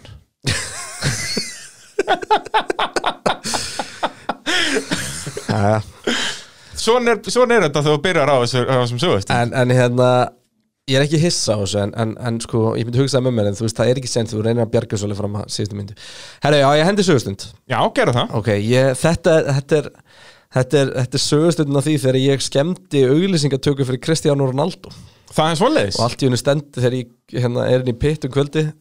og, semst, Ég var á Oldham Park í í æfingum Þetta eru á rosalega köldum uh, februarmánu eða eitthvað svona að hérna, testa F3 á, á Oldham Park uh, bara eitt fyrsta testi mitt og þetta var prívatest og hérna og við erum að, að testa á, á sem sagt á um, ég bara allan daginn nema undir lokdags þá sko Oldham Park er ógeðslega skemmtileg braut ógeðslega skemmtileg algjör svona sveitabraut í brillunni og hérna þetta er í krassa á leiðinu út úr annari byggju það sem að sem sagt, það er svona vatn sem liggur hann meðfram þannig að það er mjög svona stífur ekki okkur til að fara ekki út í það Akkurat. en þú veist, þú átt ekki að geta krassað hana og ég semst, þetta er svona flæðandi vinstri bega og ég fer aðeins og utalega og hérna spinna og krassa í raunur á innaverinni, bara á beinum kabla bara á exinu, missi hann fyrir aðeins og Akkurat. langt Þannig og hann að fer basic eftir yfir að krasa á brautina. beinum kabla Svona Nei, á, á, á corner exit sko. og hérna og þar fætti ekki að vegurinn og allt í hakk sko. og nema það sem semst ég vissi ekki þá var að fyrrum daginn var allir einhverjum búgat í veirun í skúrum við hliðina á okkur Hugulegt og þegar ég kemur í kvöldi þá stendur semst, Kristján Ronaldo og umbúsmaðurinn hans að skoða bílið minn Já, ok og þá semst átt að vera tökur um kvöldið akkurat á staðanum sem ég rústaði það sem er einhver auglýsing fyrir einhverja nýja Nike sko það sem semst Kristján Ronaldo er í sprettlöpi við búkandi verun og ég get sett, ykkur, ég get sett linkina þessu auglýsingu undir, hún er Endilega. til sko Bara á Facebook Og setur þetta þegar þá þátturinn sést kemur. sko, ég man ekki hvað það sést í auðlýsingunni með dekkjaveggur í hakki og, svona, og för og eitthvað svona dót en það þurfti sérst að laga brautin á undan þannig að ég Þannig að þeir töfðust þarna Já, Já, þeir voru frábært. ekki mjög ánægir Nei. getur þess að þér því að það það er svolítið dýrt- dýrt- Já, þetta er svolítið dýrt fólk en hann var mjög áhugavert að stand, vera allt í hennu koma úr bílnum og úkslega pyrrar þetta í krass og Kristján Ronaldo stendur í skúrniðinum að skoða, Já, Já, menn- skoða bíliðin Og en hvað náður að hitta hann með Já, já. Er það svo leiðis? Já, já. Djöfis, vestlama Þetta er sko, þetta er braut sem er ekkert langt frá mannster Þannig að ok. hérna, þetta er þá sko Já, þetta er þarna bara 2008 Þetta er 2008 eitthvað, já, já, já. Og, og hérna Já, þannig að Skemmtilegur Ég- út út úr ég- þarna Ég eitthvað tíma hérna, það var eitthvað svona keppni þar sem áttir að segja, segja tvær staðurindur um þig einn sem var sönn og einn sem var login og ég hendi þessari fram ég skemmti tökur fyrir Kristján Ronaldo og það við svona orðað sem svo það var ekki margir sem trúði að ég hefði Nei, gert það en- það, er, en- það er gott að vera með svona lífsreynslur þegar maður fyrir svona leiki Já, það er, það er ágætt Það var fínt, ég var búin að gleyma þessu Ég, ég sagði við sérstaklega fyrir mig, ég ætla ekki að vera með neina Já, sögur í dag. ég er nefnilega, við vorum að tala með þetta hérna og ég var ekki búin að klippa trailer og þetta er allt agalegt Allt agalegt Herðu, en hérna, aftur á McLaren uh, Norris, ennþá bara solid Og Já, bara sjötta eiginlega háputur sæti. helgarna var að það væri Friday oh, Saturday, Sunday, what? geggjað. Þetta- Ég elska hann mann svo mikið Hann er Já, mann, þetta er fimm ára barn Hefurðu hortað hann á Twitch sem hann er að stríma? Já, svona aðeins bara svona highlight Það er Þú veist eins og ógeðslega þarna með, var það ekki einhver fluga eða eitthvað sem hann bara skýtur á sig Út að það er einhver, einhver bífluga inn í herbygginu hans og hann bara Þetta er svo náttúrulega ef það sko banderfestið sem fyrir í ganga á Já. næsta ári þegar hann og Rikki Ardó fara að ferða saman sko. Nákvæmlega, sko, það verður litla veistla Shit Ha? Þegar þú er Sainz mjög svona yfirvegar og rólegur En ætli Sainz ég fann að sjá eftir ferri múinu Nei McLaren eru uppleið, ferri á niðurleið Já, en ég minna hann, ef ég horfa á þetta núna að sérst, Sainz á meiri möguleika á að verða heimsmeistar í Formule 1 með því að fara til Ferrari núna heldur en 100%. að halda sér maklæðin, það er bara Og svona ég bara ja, myndi aldrei segja neyfi ferri þetta held ég Já, þú veist, og jújú, jú, Ferrari er í skýtnum núna en þeir verða betri en maklæðin árið 2022 2022 Það er yfirlegandi líkur á því allavega Ég held það sko uh, Norris, já, það fór ekki mikið fyrir honum Náði sjötta seti, komin upp í fjórða seti í keppni ökumanna Rock solid dæmi Já Er það ekki svona Algjörlega, svoleiðis? Þá þú er veist- bara komið að, að Racing Point sem er í, í fjórða seti í, í mótinu með 92 stig McLaren er alveg komið með ágættis fóskot á þá Þeir eru McLaren með 106 Þannig að hann eru 14 stig á milli Já um, Sko, Stroll í raun og veru bara svolítið bara drull, getur við drullu full eftir þessa helgi Já, bara hann gerði ekkert rangt, ekki Það var neitt. ógeðslega skeri krass og hann er bara að steimpla sig inn sem gæinn sem getur tekið þetta lið áfram Já, Þú veist, hann er farin að hann er farin að standa sig jafnvel og perið sér tímatökum Já, Og- svona hann mætti fara aðeins uh, Gera aðeins betur í Já, tíma hann er samt að standa sig fínt í tímatökum Já, núna. já, hann er að hangi í honum Já, og þú veist, reiskraftið hans er frábært Já, það er alltaf að vera betra og betra þú veist, þannig að þessi gæi allavega er búin að þakka niður í því, bara eitthvað að maður algjö, æ, alls ekki að halda Peres nei, alls ekki að halda Strolli og ætlar að henda Peres já, Peres er frábær en Strolli bara sannar sig sem drullu góður og hann er náttúrulega bara drullu ungur líka Já, ég minna, þegar hann kemur til liðsins þá var hann búinn að lenda veljónapallið með Williams, skilur Já. Þú veist, hann er ól segur og eins og segir, hann er algjörlega búinn að þakka nýri þessum röddum, hann sé bara eitthvað að nota pening en þetta krass hefur verið svo dýrt bara Ég, þessi bíl er ónýtur, girkassin er ónýtur, vélin er ónýt, það er allt ónýtt í þessum bíl þú notar ekki eitt, kannski einhver eina framspilnu er hægt að nota það er spurning hvort að tjúpið þessu hún sko. Jú, Eða er töflið. það ekki? Já, ég segi það, jú, semst grindin ég er eða ekki, semst ég er ekki, bíllinn. ekki viss um að að töfbið sér hún sko. ekki Nei Veist þú hvað sem sagt Formule 1 bíl kostar sem sagt ekki í hönnunarvinnu og allt svoleiðis, heldur bara eins og þarna, þeir eru búin að hanna bílinn en nú þarf bara að koma að staði hvað allt þetta carbon fiber kostar Nei, en þú veist, það er alltaf settur ykkur 170.000 dollara verðmið á framvang, sko Já, Þú veist, já en ég það- hugsa hann að það sé kostar með það R&D verkið, sko. sko. Já, ég, þarna er verið að gera ráð fyrir, þú veist að þarna eru 300 manns búin að hanna hann í, í, þú veist, tvo mánuði, skilur Ég er ekki það að tala er, um það það er þannig sko Ég er að tala um bara og eins og það verður líka núna fyrir- væntanlega ódýrari með hvert skipti Nei, ég veit það ekki En ég veit það hins vegar að sko Það er haldið úti, það er, það er, ég er mjög gamlega að skoða reddit og það er gæði sem heldur úti sko kostnaði út frá að mitt sérst, World Destructors Championship og þar er Antonio Giovannizzi á toppnum búin að skemma fyrir 2,2 miljón dólar í ár Já. uh, Landstról í þessari keppni skemmti fyrir 1,6 Miljónir Já, og það er ekki vél og, og það inn í því sko. Það er En sem svoleiðis. sagt, Það er girkasöðun inn í en ekki vél Já. Því að það er ekki vita hvað er ónýtt af vélni Já, já Þannig að, já, 1,6 miljón dólar Ok, þá, þá basically varst að svara þessari spurningu Mhm. Og það er, já, þetta er daggóður peningur út af Hver, hver, þarna erum hver við er bara maður að tala skemma um- minnst? Uh, Lewis Hamilton Bottas, Hamilton og Norris Það er, eins og ég segi, Bottas og Hamilton Ég meina hverjar hafa þeir skemmt eitthvað Nei, Framvængir, allt, eitt framvængir á mann Eitt frá einhverjum mann, bara Já. bing Og það var í- Og eitthvað kannski pínu golf Það á voru ba Bottas eða- það- það voru báðir í, í, í hérna Breitlandi Já. Þannig að það er vantilega bara þegar að það ekki springur Já, þegar hann tættir framvangin af og, og allt í steng Já. uh, svakalegt græs eins og þessi er hjá, hjá Stroll og Býtu, sanga þessi var skemmtir Norris framvæng núna kannski á einhver æfingu bara eitthvað létt farið við körn Já, já, já, já, já, já. Já, nei, hann krassaði náttúrulega á Krassaði í æfingunni, æfingunni. á alveg rétt, mm Mhm. ég var búin að gleyma því Það var. uh, En ég er aldrei svona á- í nú- nútímanum séð sem sagt, maður sá allt afturhjóla stellið var búið að brotna af eða sem sagt, eins og girkassinn hafi brotnað af og, og bara eins og hann verið hásing á bílnum sem var skökk undir honum að, sem sagt, að, að þetta var allt búið að ripna í sundur og þú veist, hann að tíu mínutum síðan er ennþá að kvikna í bílnum Já, vá, hvað voru lengi að slökku í honum Já, það er líka, þú veist, það sýnir líka líka bara hvernig, hversu heit turbínan er að það er ennþá að kvikna í öllu draslinu og það þannig er, þú veist, karbonið Þetta leitsat út, þetta var svo förðulegu litur úr reiknum Já, hún var einhvern veginn bara bleikur í raunna, bara í stíl við bílinn. Ég, ég hugsaði bara með mér að þetta væri eitthvað svona ramakseldur Það var potið eitthvað svo leiðis Já En náttúrulega í öllum Merkilegt. sem hitta þetta er, Og þess En- vegna maður sá það líka í öllum rístortunum að semst, service crew kom alltaf hlaupandi á öllum bílum út að ef þau eru stoppið eitthvað ákveðin tíma búin að keira svona það er náttúrulega ofinnar þetta allt í steik eins og gerist fyrir vestappin og massa, skilur En Peres allavega, hann hérna klára 50 Já. eftir að hafa verið sjött í tímantökum Ég átti vona meira frá Blake og Partisunum sko. Já, bara runu voru hraðari Já. Það er engin spurning Og bíllinn bara greinilega eitthvað ekki alveg jafn öflugur lengur Já. Eftir að Sem- hinn leiðin frá að fatta konceptin sko. Já, við töluðum svolítið um þetta í byrjun tímubils að- að bleiku bensandir eru þau segir en hinn er myndu catch up og það verðist vera svolítið raunin, bara vest með að Force- eða ekki Force India uh, Racing Point, að þeir bara byrjuðu ekki nógu vel voru svo áhefnir í fyrstu keppnum og, og voru að skjóta sig í fótinn, þannig að já, þeir eru í fjórðasætti núna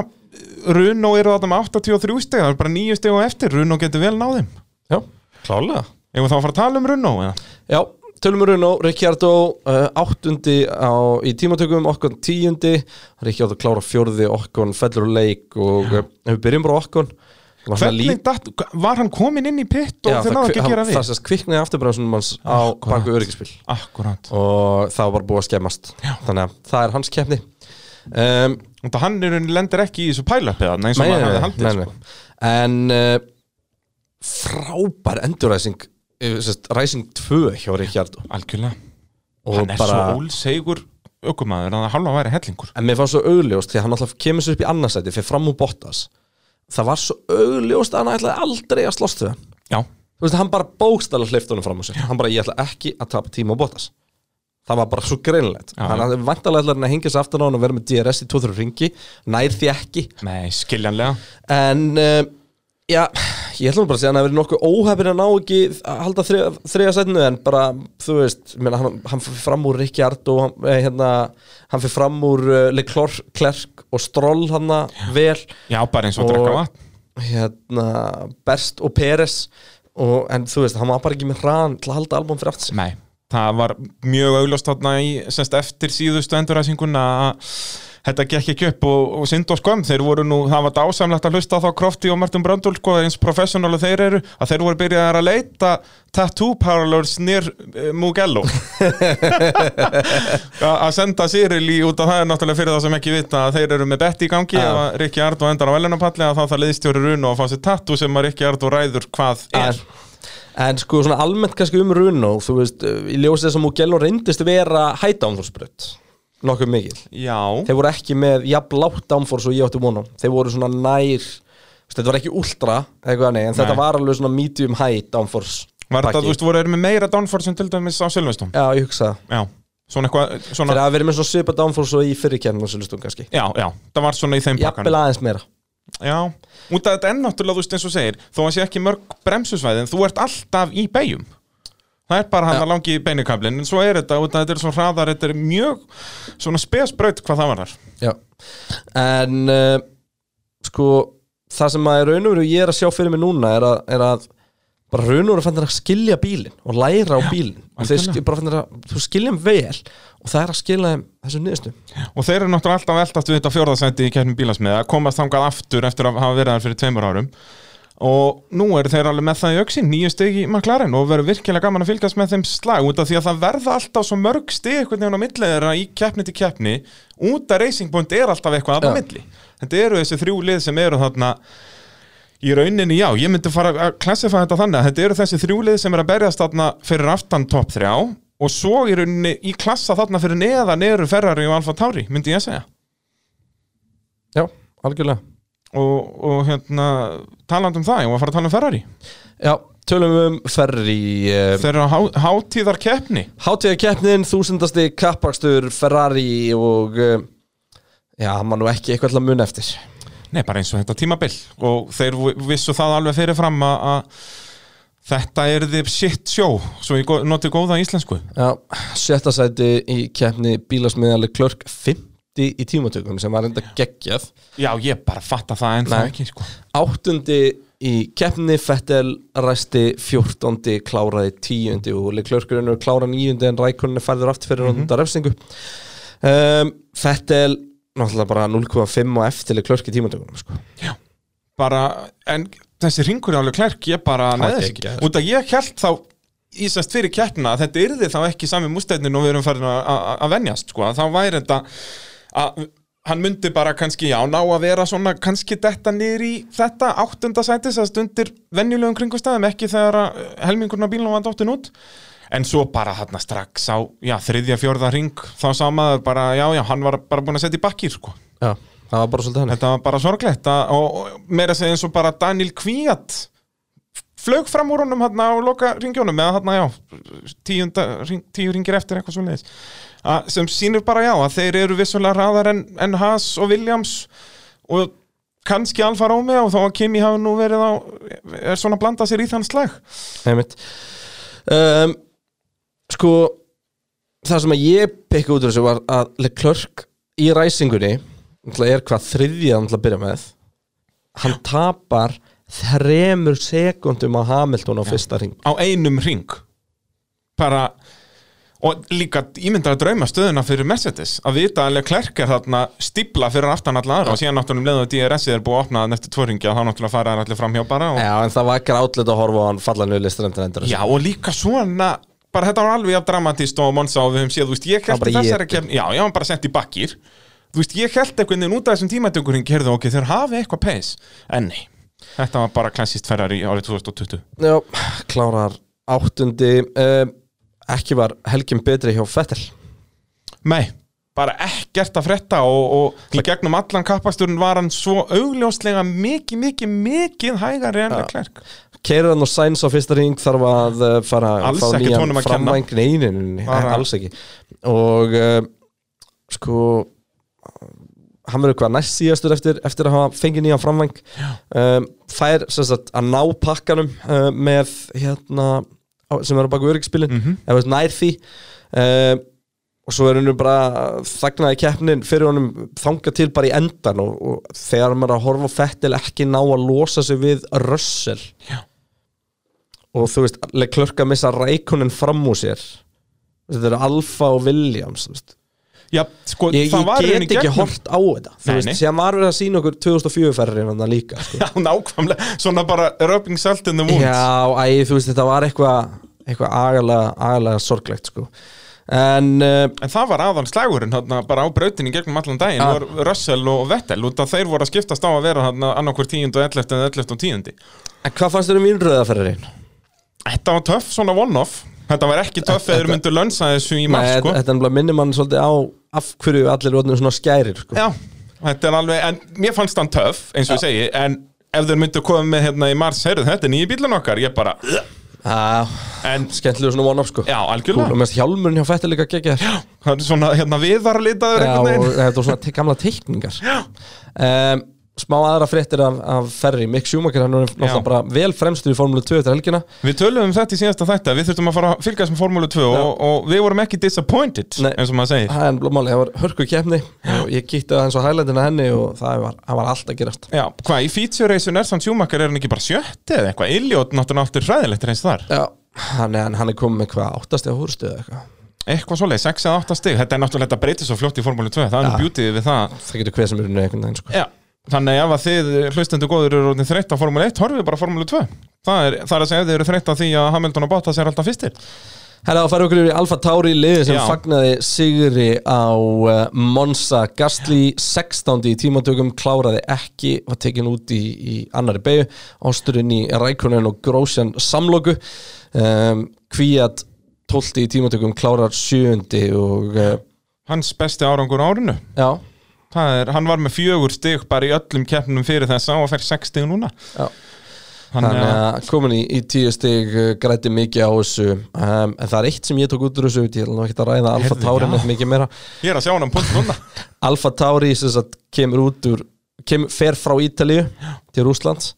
með 33 stig á Monza og Mugello Ferri náði fjögur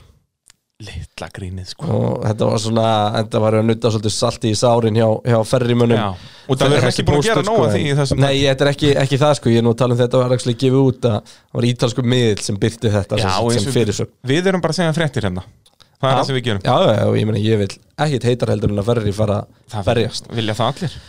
Herðu, færum okkur þau verið í Alfa Romeo þeir eru áttundu í keppni núna Rækunen ræsti 13. kláraði 9. Giovannizzi ræsti 17. og kláraði ekki eftir svakalegt krass Hann kláraði hærra en allir aðrir Það er að segja bara í metrum frá brautinni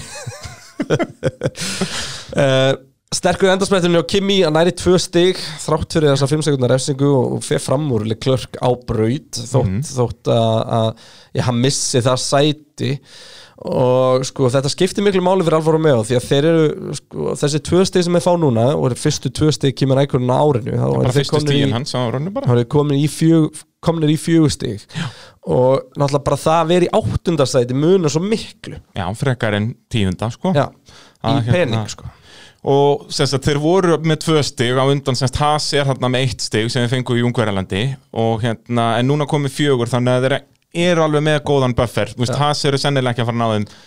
það ekki úr sem- þessu Ekki úr þessu, sko Giovannizzi er ekki að gera neitt til þess að segja mér að hann er haldið þess að þessu sæti, sko Ég bara við vorum að tala um Mick Schumacher áðan Já, Þetta Já er eða, náttúrulega eða bara- hina Svartmann eða, Eða eða Elliot, Írlótt Það er alveg rétt, sko en Schumacher er náttúrulega Schumacher Svo er bara spurning út að Kimi haldi áfram En það er alltaf ekki verið að tala um PRS til Sáber Já, er ekki bara Alfa Romeo Já, er ekki, það var náttúrulega Peres að koma aftur til síns gamla lið hann var náttúrulega, ná, náði sínum besta árangri í 2012, var hann bæði í þriðja og öðru seti held ég það tímabil með, með Sáber Er eitthvað meira, er eitthvað meira sem við ræðum um Alfa? e, Í rauninni bara svona eh, hvernig Kimi hefur einhvern veginn snúið tímabilinu við þú veist, maður, í byrjun tímabils þá held maður bara, ok, heyrðu, hann er orðin fertur Tjófanatsi er byrjar að vinna hann bara eh, þannig að þetta komið fínt hjá honum bara síðan bara En ég held að Núna er hann hann bara hafi búinn að endla hafa- snúið tímabilið við Þú veist, hann var bara í vesinu með Alfa Romeo og hann var Já, ekki hann er bara búinn að venjast hann bílnum, var ekki að ná í Nei, þú veist, hann var bara bila á svona hjá honum og hann Nei, var nema bara hann var samt alveg hægar í tímatökum og í keppnum og allt Já, þú veist. kannski, en hérna en hann líka var einhvern veginn aldrei á réttum stað á réttum tíma sko, Já, sem já. Alfa Romeo þarf til að ná í stig eins og um helgina þannig að en, hérna en bara eins og núna í tímatökum það, núna er hann alltaf reglulega bara hálfri sekundu undan Giovinazzi hann er náttúrulega miklu, miklu betri Herri, færum okkur í Haas, Grósjan hann ræsir 15, klárar 12 Magnús ræsir 20, klárar ekki uh, þetta, þessi keppni á Grósjan, þetta var bara eins og einhver Hollywood actionmynd Já, síðast er eins og ljúk keppni og eina sem við þurfum að tala um með hann er náttúrulega bara þetta veist það, Þetta er hörku krass hann bombar á dekkjaveikin sko, og fer öfur skilur þe- Ef við erum hann að tala lendir um fyrst í kontakt Já, já. við Gastli og snýst 180 gráður Já. fer þannig á vegginn svo bara skellir í fyrsta gýr og og byrjar að tala, þetta sé bara búið skilur og svo bara einhvern veginn lullar hann yfir grasið og móti umferð og Marcel er bara, ég er að koma Já. ykkar, mamma mía Þeir eru allir að hlaupa frá gatinu en þeir eru ógeðslega að finna að horfa á besta ámbandi er sko þegar þeir, þú veist, hálfu mínúti eftir krassið bara allir eitthvað, já, komin öryggisbíl og eitthvað þá í útsendingunni er klift yfir okkur ósjan bara kom inn á brautina með sko tonn af sandi komandi allstaðar á bílnum bara eitthvað klunk, Og það var alveg- það var allt eróið farið aðfanna vinstra Já. megin og bara bílinn var bara ónýtur En uh, svo pittur hann mikið njöfni Nei, þeir náttúrulega, þeir gátt ekki gert við þetta í pitstoppi Nei, nei, nei, ég er bara að segja, þú veist, hann var ekki ónýttar en það, samt sem Já, ég að segi þeir það, pittu út af framvengurinn væri lægi þá bara, heyrðu, ok, við bara reynum þetta en þeir vissaljú, ok, við erum ekki að fara að klára keppna Ah, svona, klára- en síðan kemur rauðaflaggið og þá mega þeir gera við þessar hluti Einmitt. þannig að eftir rauðaflaggið er alveg í lægi með hasinn en vesta er að þetta er Nei, ennþá hann var has samt búin að missa alveg helling, og veist, gólfið og gólfinu, eitthvað já, svona. þeir náttúrulega geta ekki gert við gólfið þarna í, í rauðaflaggi, sko En Magnús en aftur, ekkert að ræða um hann Hann var bara einn af þeir sem að Já, þú veist, bara var, var óheppin þarna, var, svo satt Færum okkur þá yfir í Williams eh, 0 stig á línuna þar og Russell enn og aftur hraðar en liðsvillan í tímatökum voru 18 og 19 Heyrðu, þó, þó mun lengri leið í tímatökum Sástu tímatökum var geggja Hann er hraðari hringin liðsulega En þeir samt í gegnum mölna Já, alveg úti, hann fór út fyrir grasið og í mölina, inn á breytin aftur samt hraðari En sko, hann lifti ekki einu svona bensinkjöfin í sko. Nei, nei, mölni ekki, það, það var ekki í- hugsun í hausnum á hann um Nei. að fara að lifta, bara glindu Bara freka krasa hann Ég segi það, bara, og hann var líka svo geggjaðir með sem sagt, þess að loka ringja að berjast hann að vettel Já, já, og þú veist, það voru ykkur sem að vildi meina Fettir hefur þetta leipunum fram úr Farða að horfa á einhver aðra íþrótt Já En hérna En uh, sko, hann, það var ógeðslega gaman Og sko, maður sá hvað hann var að taka allt úr þessum bíl já. Og ég vil meina að Fettil hafi ekki nefnt þessu á þessum tímumundu Hefði alveg getað tekið meira úr þessum ferri hana. Já, maður sá alveg hversu langt hann var á eftirlega klerki í peysi, sko Samt ekki, voru ekki bara ykkur tvær sekundur á milli þeirra Jú, semst í endan, en ég er bara að tala um overall í kefni En hérna Það var alltaf gaman en, en náttúrulega bara ömulegt fyrir Russell að vera ekki komið með stig Já, og eins og bara fyrir Williams, núna eru búin að vera tvær svona kaoskeppnir og þeir eru búin að vera eitthvað að senda í þeim báðum Bara, give me a break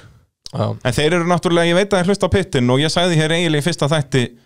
í, í vor að- að Williams myndi ekki ná í stig og það, þeir eru búin að vera hættulega nálætt í en ég stend ennþá við það En Bræði, þá erum við búin að fara í gegnum þetta Latifi hérna klárar í krassinu og lítið Jú. eitthvað til að ræða þar Þannig að ég ætla bara að henda á hann spurninguna Ætti mú gælu að vera áfram á dagatalinu? Nei Akkur? uh, Þetta var geggjareis uh, Ég vil halda þið þannig Já Ég vil að Mugello sé bara þessi frábæra minning út að til lengdar verður þetta ekki skemmtilegt Svona svo Baku fyrst og róksta skemmtilega árið eftir var hann bara ykkur steik Svo var hann draftur skemmtileg Já, Baku er svona bara upp og niður dæmi sko. Já, en, þú veist, en Það er bara eftir einhverju ruggli sem gerist Það er ekki bara einhvern brautin sem býður upp á skemmtileg þe- þessi braut er í rauninni alveg eins og Paul Ricard nema að þarna eru malargrifjur sammála því Nei, eins og þess, þarna eru malargrifjur sem sagt, sem þannig að ekki, þetta er ekki sem er ekki fara að gera einhverju braut það líkinni við Ok, okay, Paul Ricard so- sorry með mig, en þetta, Þetta er bara ljótt Bragi það, Þórðarsson það er bara eitt staðar til að taka fram úr hana og það er svona klassískur DRS framúrakstur Ekki klassískur, því það er svo aðeins aftalega Já, já, en þeir fór En það er samt DRS, DRS framröstur Og, og var öruglega miklu minnaði mútið að vélabannu Já,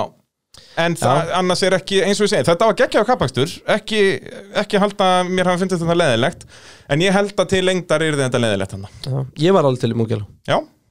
Mér finnst það skemmtilegt ég, ég verði það ákvörðun þína Ef þú veist, ég, ég er ekki að segja þetta er svona braut sem verður að vera Nei. Og notabene er aldrei að fara að gerast nema kannski á næsta ári ef að COVID er ennþá eitthvað að fokki öllu En þú veist, Ferrari er ekki að fara að borga fyrir þetta Og ítölska stjórnkerfi er ekki að fara að borga fyrir þetta heldur. Akkurat Þannig að hérna, þetta verður aldrei En og og Monza er náttúrulega Ítalíu kapasturinn for now allavega það gæti kannski einhvern tímann fæst þangað en þá er það á kostna Monza en hérna en uh, já, ég mér varst skemmtilegt mér mér varst það Já, góð já, kemni það- mér þetta varst var gaman geggjuð að horfa keppni. á formulipbíl á þessari braut og ég fílaði að þeir voru ekki með eitthvað track limits vesend bara neini, mölin Það er er þetta limitið rétt, já, já Mér fannst það geggja bara þegar ég fór að horfa á tímatökunar býtum á þetta bara þvert yfir Já, sikenin já, en það, mér finnst það líka bara geggjað bara það eru malargrifjur þarna, gerið þið bara það sem þið viljið Einmitt. Ef þið fi- finnst hraðast að fara í gegnum mölina þá gerið þið það bara og Russell sagði, já, ég gerið það já, algjörlega Heldur Um, betur, en er þá komið að þessu hér eða? Eða að skella okkur í spáldómskeppni Pitsins Ætlaði ekki að búta jingle fyrir þetta? Ég þarf nefnilega, ég hef kannski fyrir næsta þátt að ég hendi í trailer Það verður gaman ef við gerum bara svona- svona mót millu okkar Já, en sko Ég, ég kom ágætt út úr þessu Það er rámt, Kristján Nei, ég meina, Þú- ég sagði að Hamilton myndi ekki vera á palli palli Hvernig virkar spátumskefni? Hver er bestur? Hendu því út um þér Meðan að B-hundurinn, Kveldgeir Ég virði hann að spáta Takk að þér Svissaðu Albon og Peres Og ekki mikið setna Svissar þú núna Peres og Albon? Nei Kemur ekki til mála Þetta fór ekki vel fyrir mig um helgina maður Nei, heldur betur ekki Hvernig fannst þið trailerinn? Þetta er svona dramatíst og skemmtilegt Já, þetta er, þetta er nýtt Þannig er líka bara að nota gamlar klippur Engin fýblaskapur í mér, sagði til Það- Við þurfum að fara að vinna meira með þetta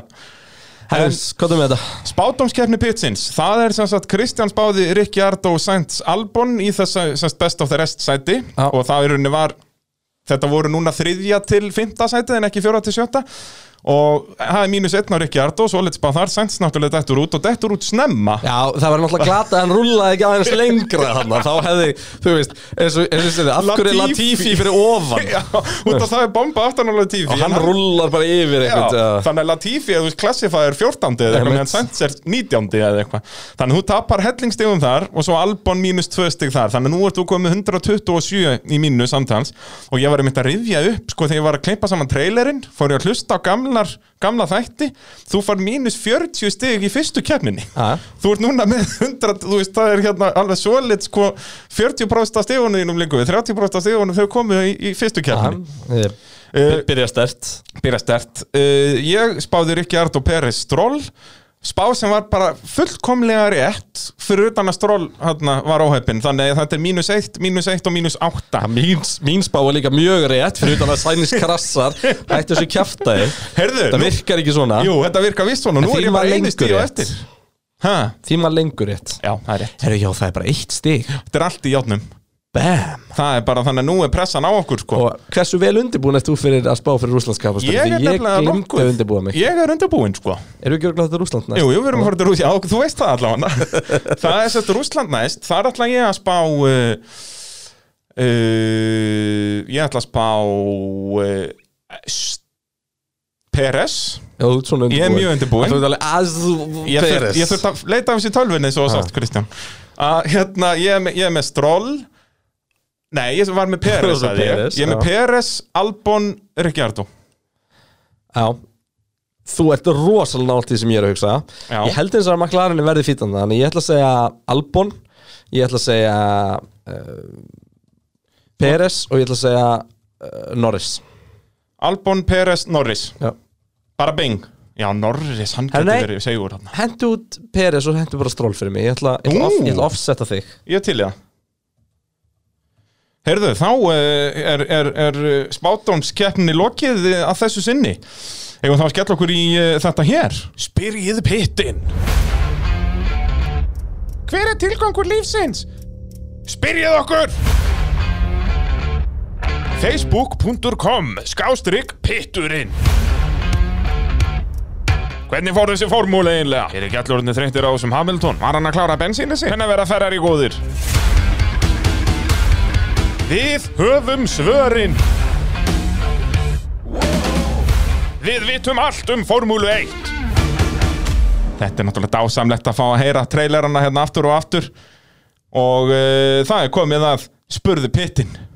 Ask the pit God damn ég, við, Jafnvel sko fyrir næsta tíðinbilla þá verðum við saman að taka upp trailerana svo þeir eru ekki alveg jafn bjánalegir Ég veit ekki með það samt, ég fíla bjánalega trailera uh, Daniel spyr Hvað klikkar í bílum hjá Max í byrjun og var Gastli ekki alltaf graður að tróða sér í pláss sem var eiginlega ekki til og tók þar alveg hendi Max út Tvær spurningar, byrjum á Max og erum alltaf búin að fara í genið það Það er bara eiginlega óvíst en einhvers konar hugbúna er allavega framan af En það er ekki víst hvort það verið tvö mismunandi, tvær mismunandi bilinir eða ein Eh, Já, akkurant Við fórum svolítið yfir þetta áðan, þetta var bara racing incident Semst ekki, Ég myndi ekki segja að þetta veri Gastli að Nei, kenna nei, if you no longer go for a gap eins og þú sagðir Hérna, Nákvæmlega. Nei, nei, þú veist, það er bara Það er pláss og er bara allt í einu ekki lengur pláss Já, og það, þetta er náttúrulega bara og úst, er þetta ekki líka svolítið með það að þannig eru þeir að keppa braut sem þeir hafa ekki keppt áður hafa verið endalaust í simulatorum bara að æfa sig Mm, Ég held að sé en hafa bara ekki líka reisað. flæðið í breyturi Já, en ég segi það, úst, er þetta ekki ákveðið líka reynsluleysi þarna að þeir átta sig ekki á því heyrðu við getum ekkert farið þrýr hérna, þetta er ekkert svo breytt Svo Norris keftið hann í, í ítölsku formúlu Ford það vissi ég ekki nei Sturlu staðrend frá Sturlu uh, staðreynd. KSL-num bara bing Uh, Ágúst er með mjög áhugaverð spurningu uh, Má ekki fara að leifa bensínáfendingar aftur til að koma með fleiri breytur í áætlun liðana Það, Já. eh, sko, það komið sér pæling Sjón Tott og Ross Brón vildu gera þetta fyrir 2021 reglubreitingarnar Mhm. en, en því var kastað á borðinu Þú veist, það er Það var- náttúrulega á móti kemur þessi geggju, þú veist, eins og Ágúst minnist á að, að það er geggjað að sjá þessu stopp núna sem eru hann undir tvær sekundur að skipta um fjöldekk sem við undum náttúrulega ekki fá með bensináfyllingar en ég meina, þú veist, 2012 þá, nei, þá er þetta búið að banna þetta 2000 og held ég 9, 10 er þetta ekki Þa, sest, það er ennþá bensínafyllingar. ógeðslega áhugavert podcast nýlega kom út Formule 1 er með hann Beyond the Grid podcastin Akkurat, og þar var viðtal við Andy Cowell sem er semst yfir HPP, semst Mercedes HPP semst Já. High Performance hérna, deildinni sem að smíja vélannar og hann var að lýsa í semst þegar að þetta allt sem að fór og af hverju og þetta, þegar hann var að lýsa þessu að meika þetta svo mikið sens til með það eins og margir búin að segja að við viljum fá vaff áttu aftur og svona, já, Mhm. en vandamálið er bara það að það höfðu engir bílaframleiðendur áhuga á að setja R&D í vaff áttavélar já, þú veist, þannig að peningurinn hefði farið út og þegar hann hefði farið í eitthvað ramags eitthvað, þannig að Jep. þú veist, þeir eru svona fórumillið þeirna og á þeim tíma sem að vélregnum settar eru allir að hugsa um koloninssporið hérna, sporið. og eh, kólefnis, alltaf að segja fyrir ekki, ekki kólvetnis en hérna Það verðum að passa kólvetnin Já, við erum að passa kólvetnin Beint hérna í Nóa Sirius-stúdíón en uppalega var nú reglan bara svo að það er þess að fuel flow limit og bara 100 kilo fyrir kemna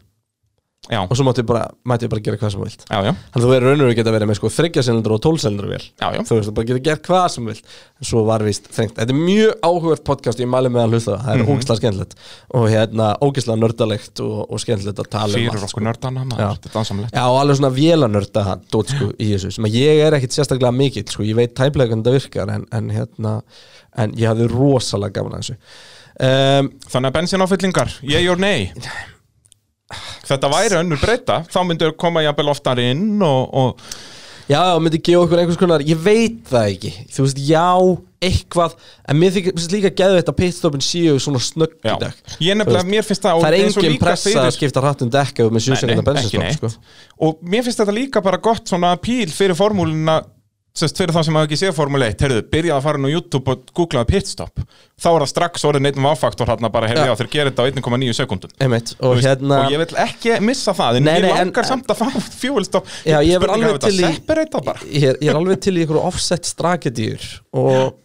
sérstaklega líka út í að þú veist, þú ert með bíla sem vinna misvel á mismunandi fjúllóti þú veist, McLaren er til dæmis góður léttur Red Bullin er greinlega góður léttur þú veist, bensin er alltaf góður þú veist, þetta er bara svona, en þetta er- þetta er áhört ég, ég, ég á ekki alveg skoðun á þessu ef ég gæti einhvern veginn demóð þetta annað þess að kosta ég formúluna miljard að fara í þá breytingu, þá Já. er ég gett til í það en þetta er ekki að fara að koma hann, við getum ekki, la- við skulum ekki láta okkur eins og dreyma sko. Nei. Uh, Ólafur hérna spyrja um uh, Grósjan, hann hafi tapað hellingstíma þarna, hann var í eitthvað 8. 9. seti, þú veist, var þetta bílinn eða hann, þetta var náttúrulega aðalega bílinn, hann var ennþá tjónaður hann á gólfi og fyrir utan að áður en hann tjónaðist, hann var þetta bara has þannig að hann var ekki að hjálpa honum, hann var ekki neitt að hjálpa honum hann Já. og endar síðastur hvort en að kannski hafði hann ekki endað síðastur með þetta damage, þessar þessa skemmtir eða ekki en, en ég veit ekki með það sko Já. Uh, Óli Jón spyr, uh, var þetta ekki það eina í stöðunni fyrir Bottas þá að, uh, þó að það hafi valdið massa árakstri Jú, sem sagt við vorum að fara yfir Bottas gerði ekkert rámt sko. Hann gerði ekkert Hann rangt. hélt bara nákvæmlega hraðanum og hann gerði bara hár rétt Þannig að Þarna erum við sérst að tala hann um þarf- hann- restartið þetta er endilega að skrifa bara um, um, eiginlega um leið og þetta gerist sko. og fólk heldur ennþá að þessi Bottas að kenna bara þetta radio message njó grósjan sko. Já, en eins og við segjum, reglur er reglur og Bottas Hann gerði ekkert bara gerði ekkert rámt rangt. Þetta var alveg 100% löglegt og, og eins og við fórum, við fórum svolítið yfir þetta hérna áðan uh, Sindri Páll spyr, uh, ég sá að Toto sagði We will honor this achievement with Mercedes AMG uh, sa- safety car in Ferrari red Þá pælum maður, uh, það er ekki eins og þetta sé hluti að þeirra liði hvað völd eða, eða hverju fá þeir um það ráðið með öryggisbílinni samræðið við FIA sko, Þetta, sko, Mercedes AMG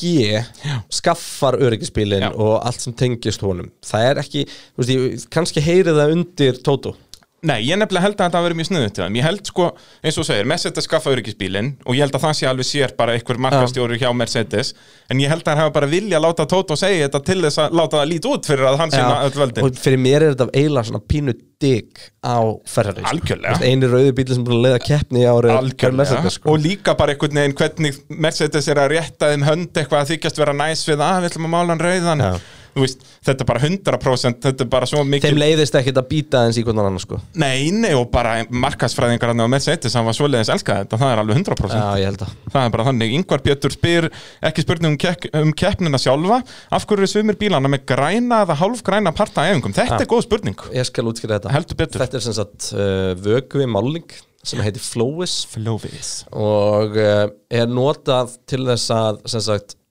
í raun og veru sjá hvert loftið fer á bílum þannig að þá er henni sleft út fremst til að fylgjast með nákvæmlega hvaða leið þetta rönnar eftir bílum og þannig að þetta er aerotesting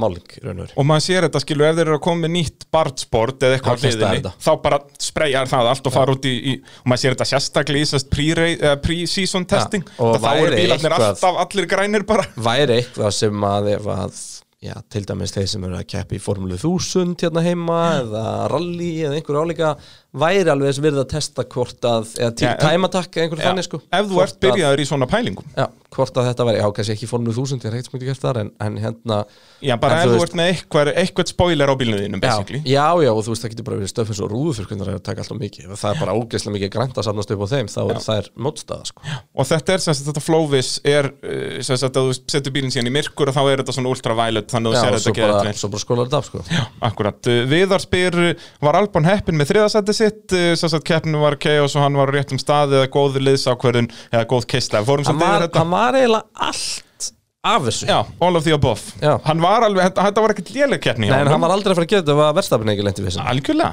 Það, það hérna, Þá hafði hann bara verið svolít fjórði sko. já. Uh, hann spyr í líka, honum langar að sjá Russell komast upp á mýrinni, hvert á hann að fara eftir 2021. Hvað Þú veist, fekk, hvað Mercedes. fekk Bottas langan samning? Er ekki alltaf bara eins og svo Bottas? Ég held það, það er alltaf Ég eins og manna það ekki Við minnum örugglega. það en, en eins og ég segi, það liggur beinast við við Russell Já. að- að við erum í mýrinni þangað til að Hamilton eða Bottas fyrr Algjörlega Það er bara, eða þangað til Bottas keirir á Hamilton eins og vorum að tala um aðan Svo er ekki langt í að Hamilton fyrir keppnismann Hann er bara fjóra punta eftir í það Það er svo leiðis Hann er komið með átta punta á þessu ári sko. Nei, hann er komið með átta punta sinni í Brasilíu í fyrra Já, Já ég minna Vettel var komið með sjö eitthvað tíma Hann var fekk einu með- fjóra punta fyrir að fara hann og loka þjónusveði sko. Tvo fyrir sikkert skiljanlega. albún kontaktin sko. Já, þannig að hann er bara, þá bara kemur Russell, við redda þessu Já. Það var reynda geggja Þú veist, þessu Það er alltaf bara ein keppnismann sko. Já, já Uh, Sindri fannar spyrir aftur, aftur ágæta spurning getið útkýrt reglurnar fyrir flying start í ljósið þess hvað skeður í þessari keppni hvenar fá keppendur bóðum enduræsingu hvenar fer safety car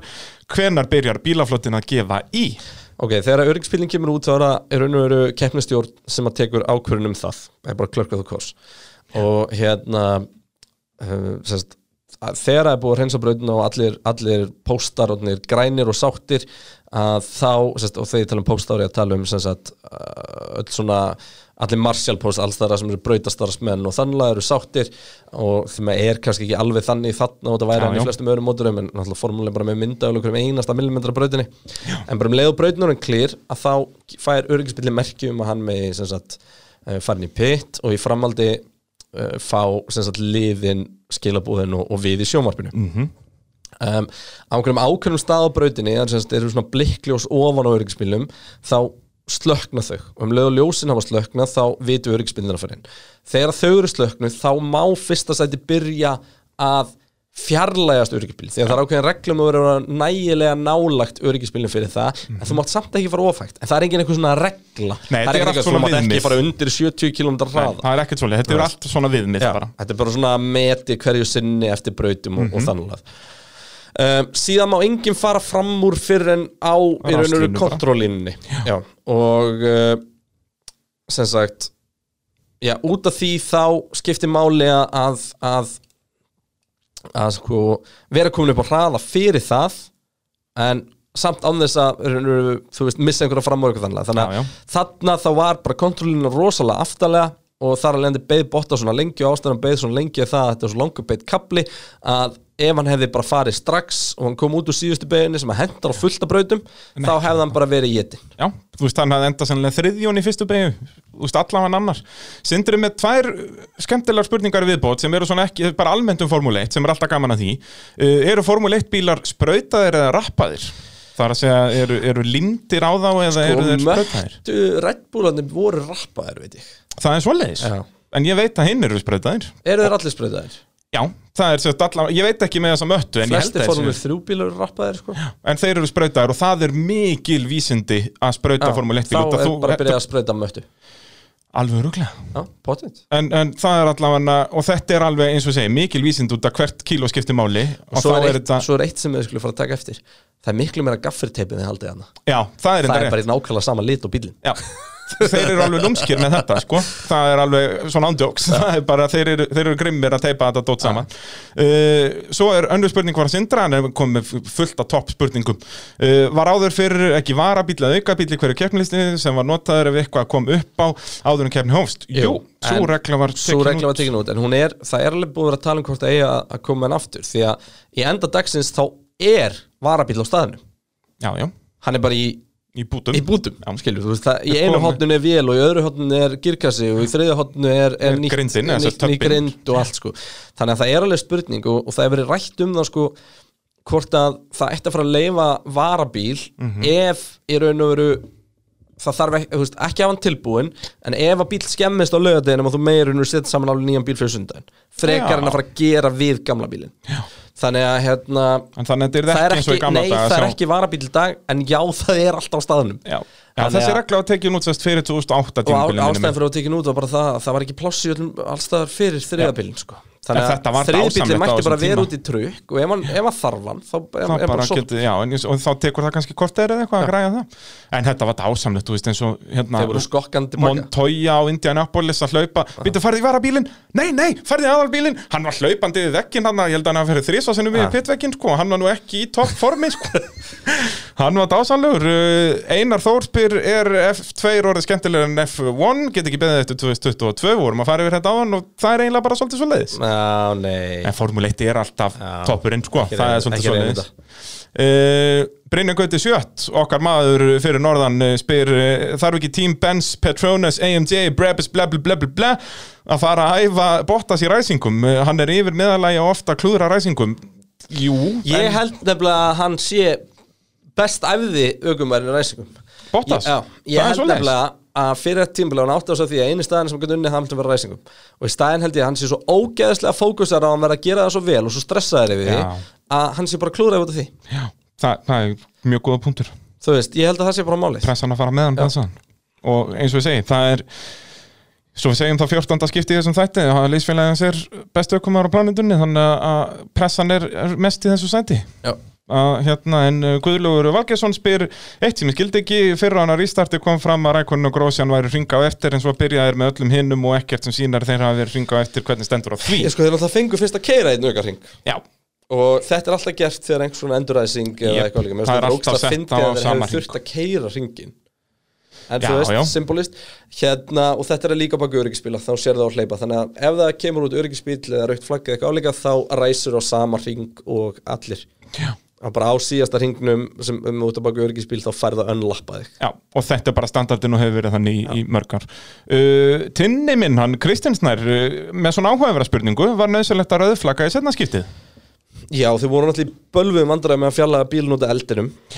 og náttúrulega Veggurinn var í hakki Já, þess að í rauninni þau þurftu held ég ekki að skipta út neinum dekkjum í honum en þurftu að setja nýtt framan á hann sko. þannig að það þurftu að gera við hann. og svo er náttúrulega líka bara spurning hvort það er hrætti við annað öryggsspilar í start sko. en, en ég held að það hef ekki verið ástæðan fyrir að gera það ekki Nei. en ég kvart ekki, mér finnst þetta skemmtilegt Já, þetta er geggjað að fá finnst það standing miklu start skemmtilegt bara. en að fá mitt kortið 20 minna viðgerð sko. og eins og þa- þarna, þú veist, bæði rauðuflokkin þetta voru hvað, já, kannski kortur 20 mínúna stopp sem er kannski, þú veist, eins og langur öryggisbíl, Mhm. svona meðalengt og öryggisbíl eru kannski 8-10 mínútur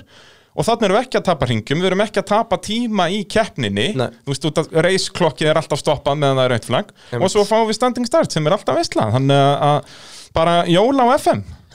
Já, er þetta komið þá? það er komið, Facebook spurningarnar eru komnar í hús Ok, so, ok, ég er með já, spurningakefni fyrir þig Bræmin Ertu, með, ertu komin í, bara í pubquiz stemmingu? ég er komin í smá pubkvist Bíddu, djöfull líst mér vel á þig. alveg óundibúin fyrir þetta en ég, mér dattum helviti skemmtilegt Ok, ég til hverjir eru tíu nýjustu segjuverðin í Formule 1? Tíu nýjustu Já, til að sjá hvað þú fær mörg stig Ok, það er Gasly Það er uh, Verstappen eru gláð þessum lista Já, uh, skoður búin að vera margir síðan Vestapen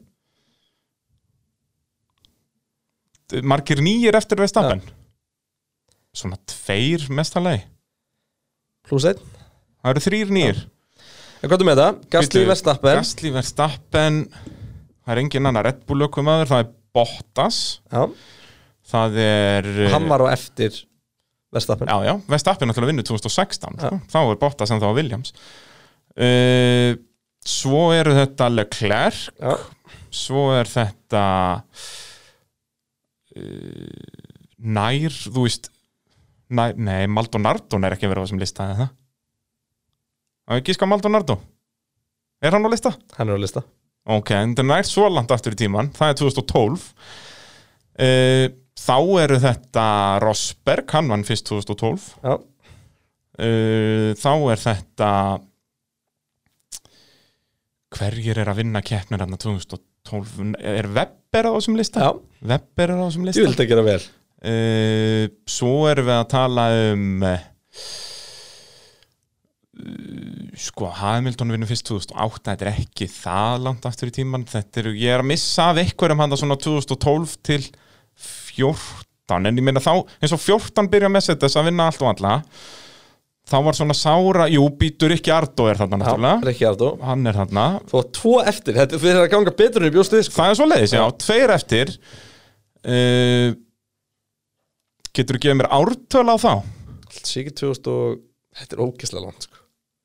Já, ok, er þetta bara 2010 eða eitthvað? Ég held að þetta er lengra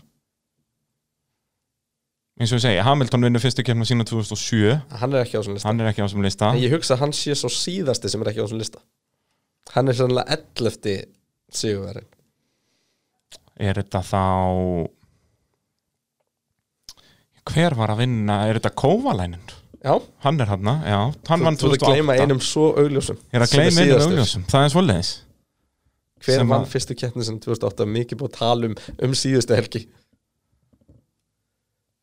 Sem að vann fyrstu keppnin árið 2008 Já Í rigningu á Sem- Monsa Já, Vettel Minn maður, ég gleymi honum En þannig að röðin á sér fáranleg Já, og segja þetta- mann þetta er eitthvað Vettel til domination Gasly. er búið að vera ógeðslega mikið Þetta er sem sagt Gastli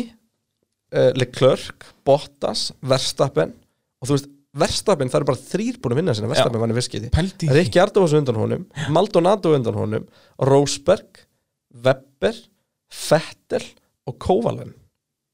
Já, Kovalæn vinnur í maður Ungarlandi va- man var alltaf eftir Kovalin í formúlinu og það eru samt bara búin að nýju nýjir sigur síðan hann hann vinnur í Ungverjalendi 2008 sem að síðan Vettel vinnur á Monza það eru bara eitt mánuður þar á milli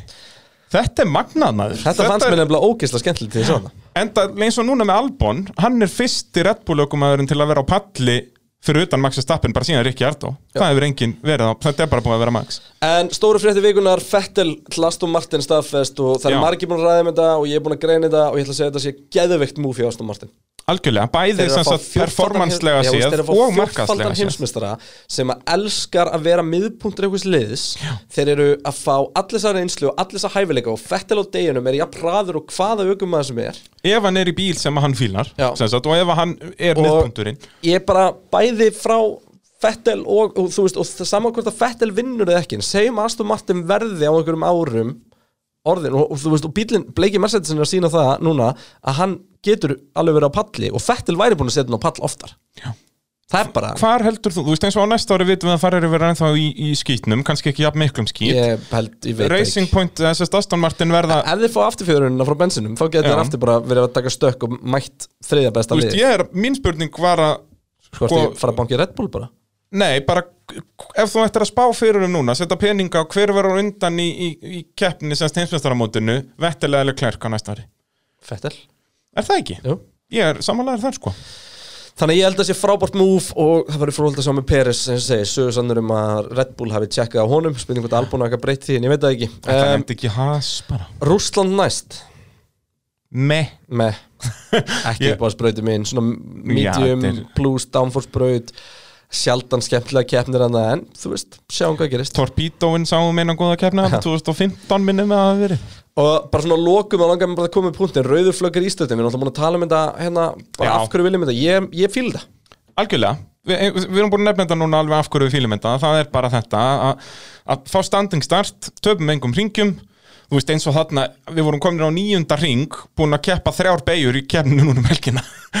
Að- að það var bara öryggisbílum búin að vera og, og, og heil keppni framundan þegar að sest, setna rístartið er þannig að þetta er algjörlega gegja Algjörlega. Já, það er komið uh, að leiðarlokum hjá okkur í dag. Pitturinn hverður að sinni og uh, já,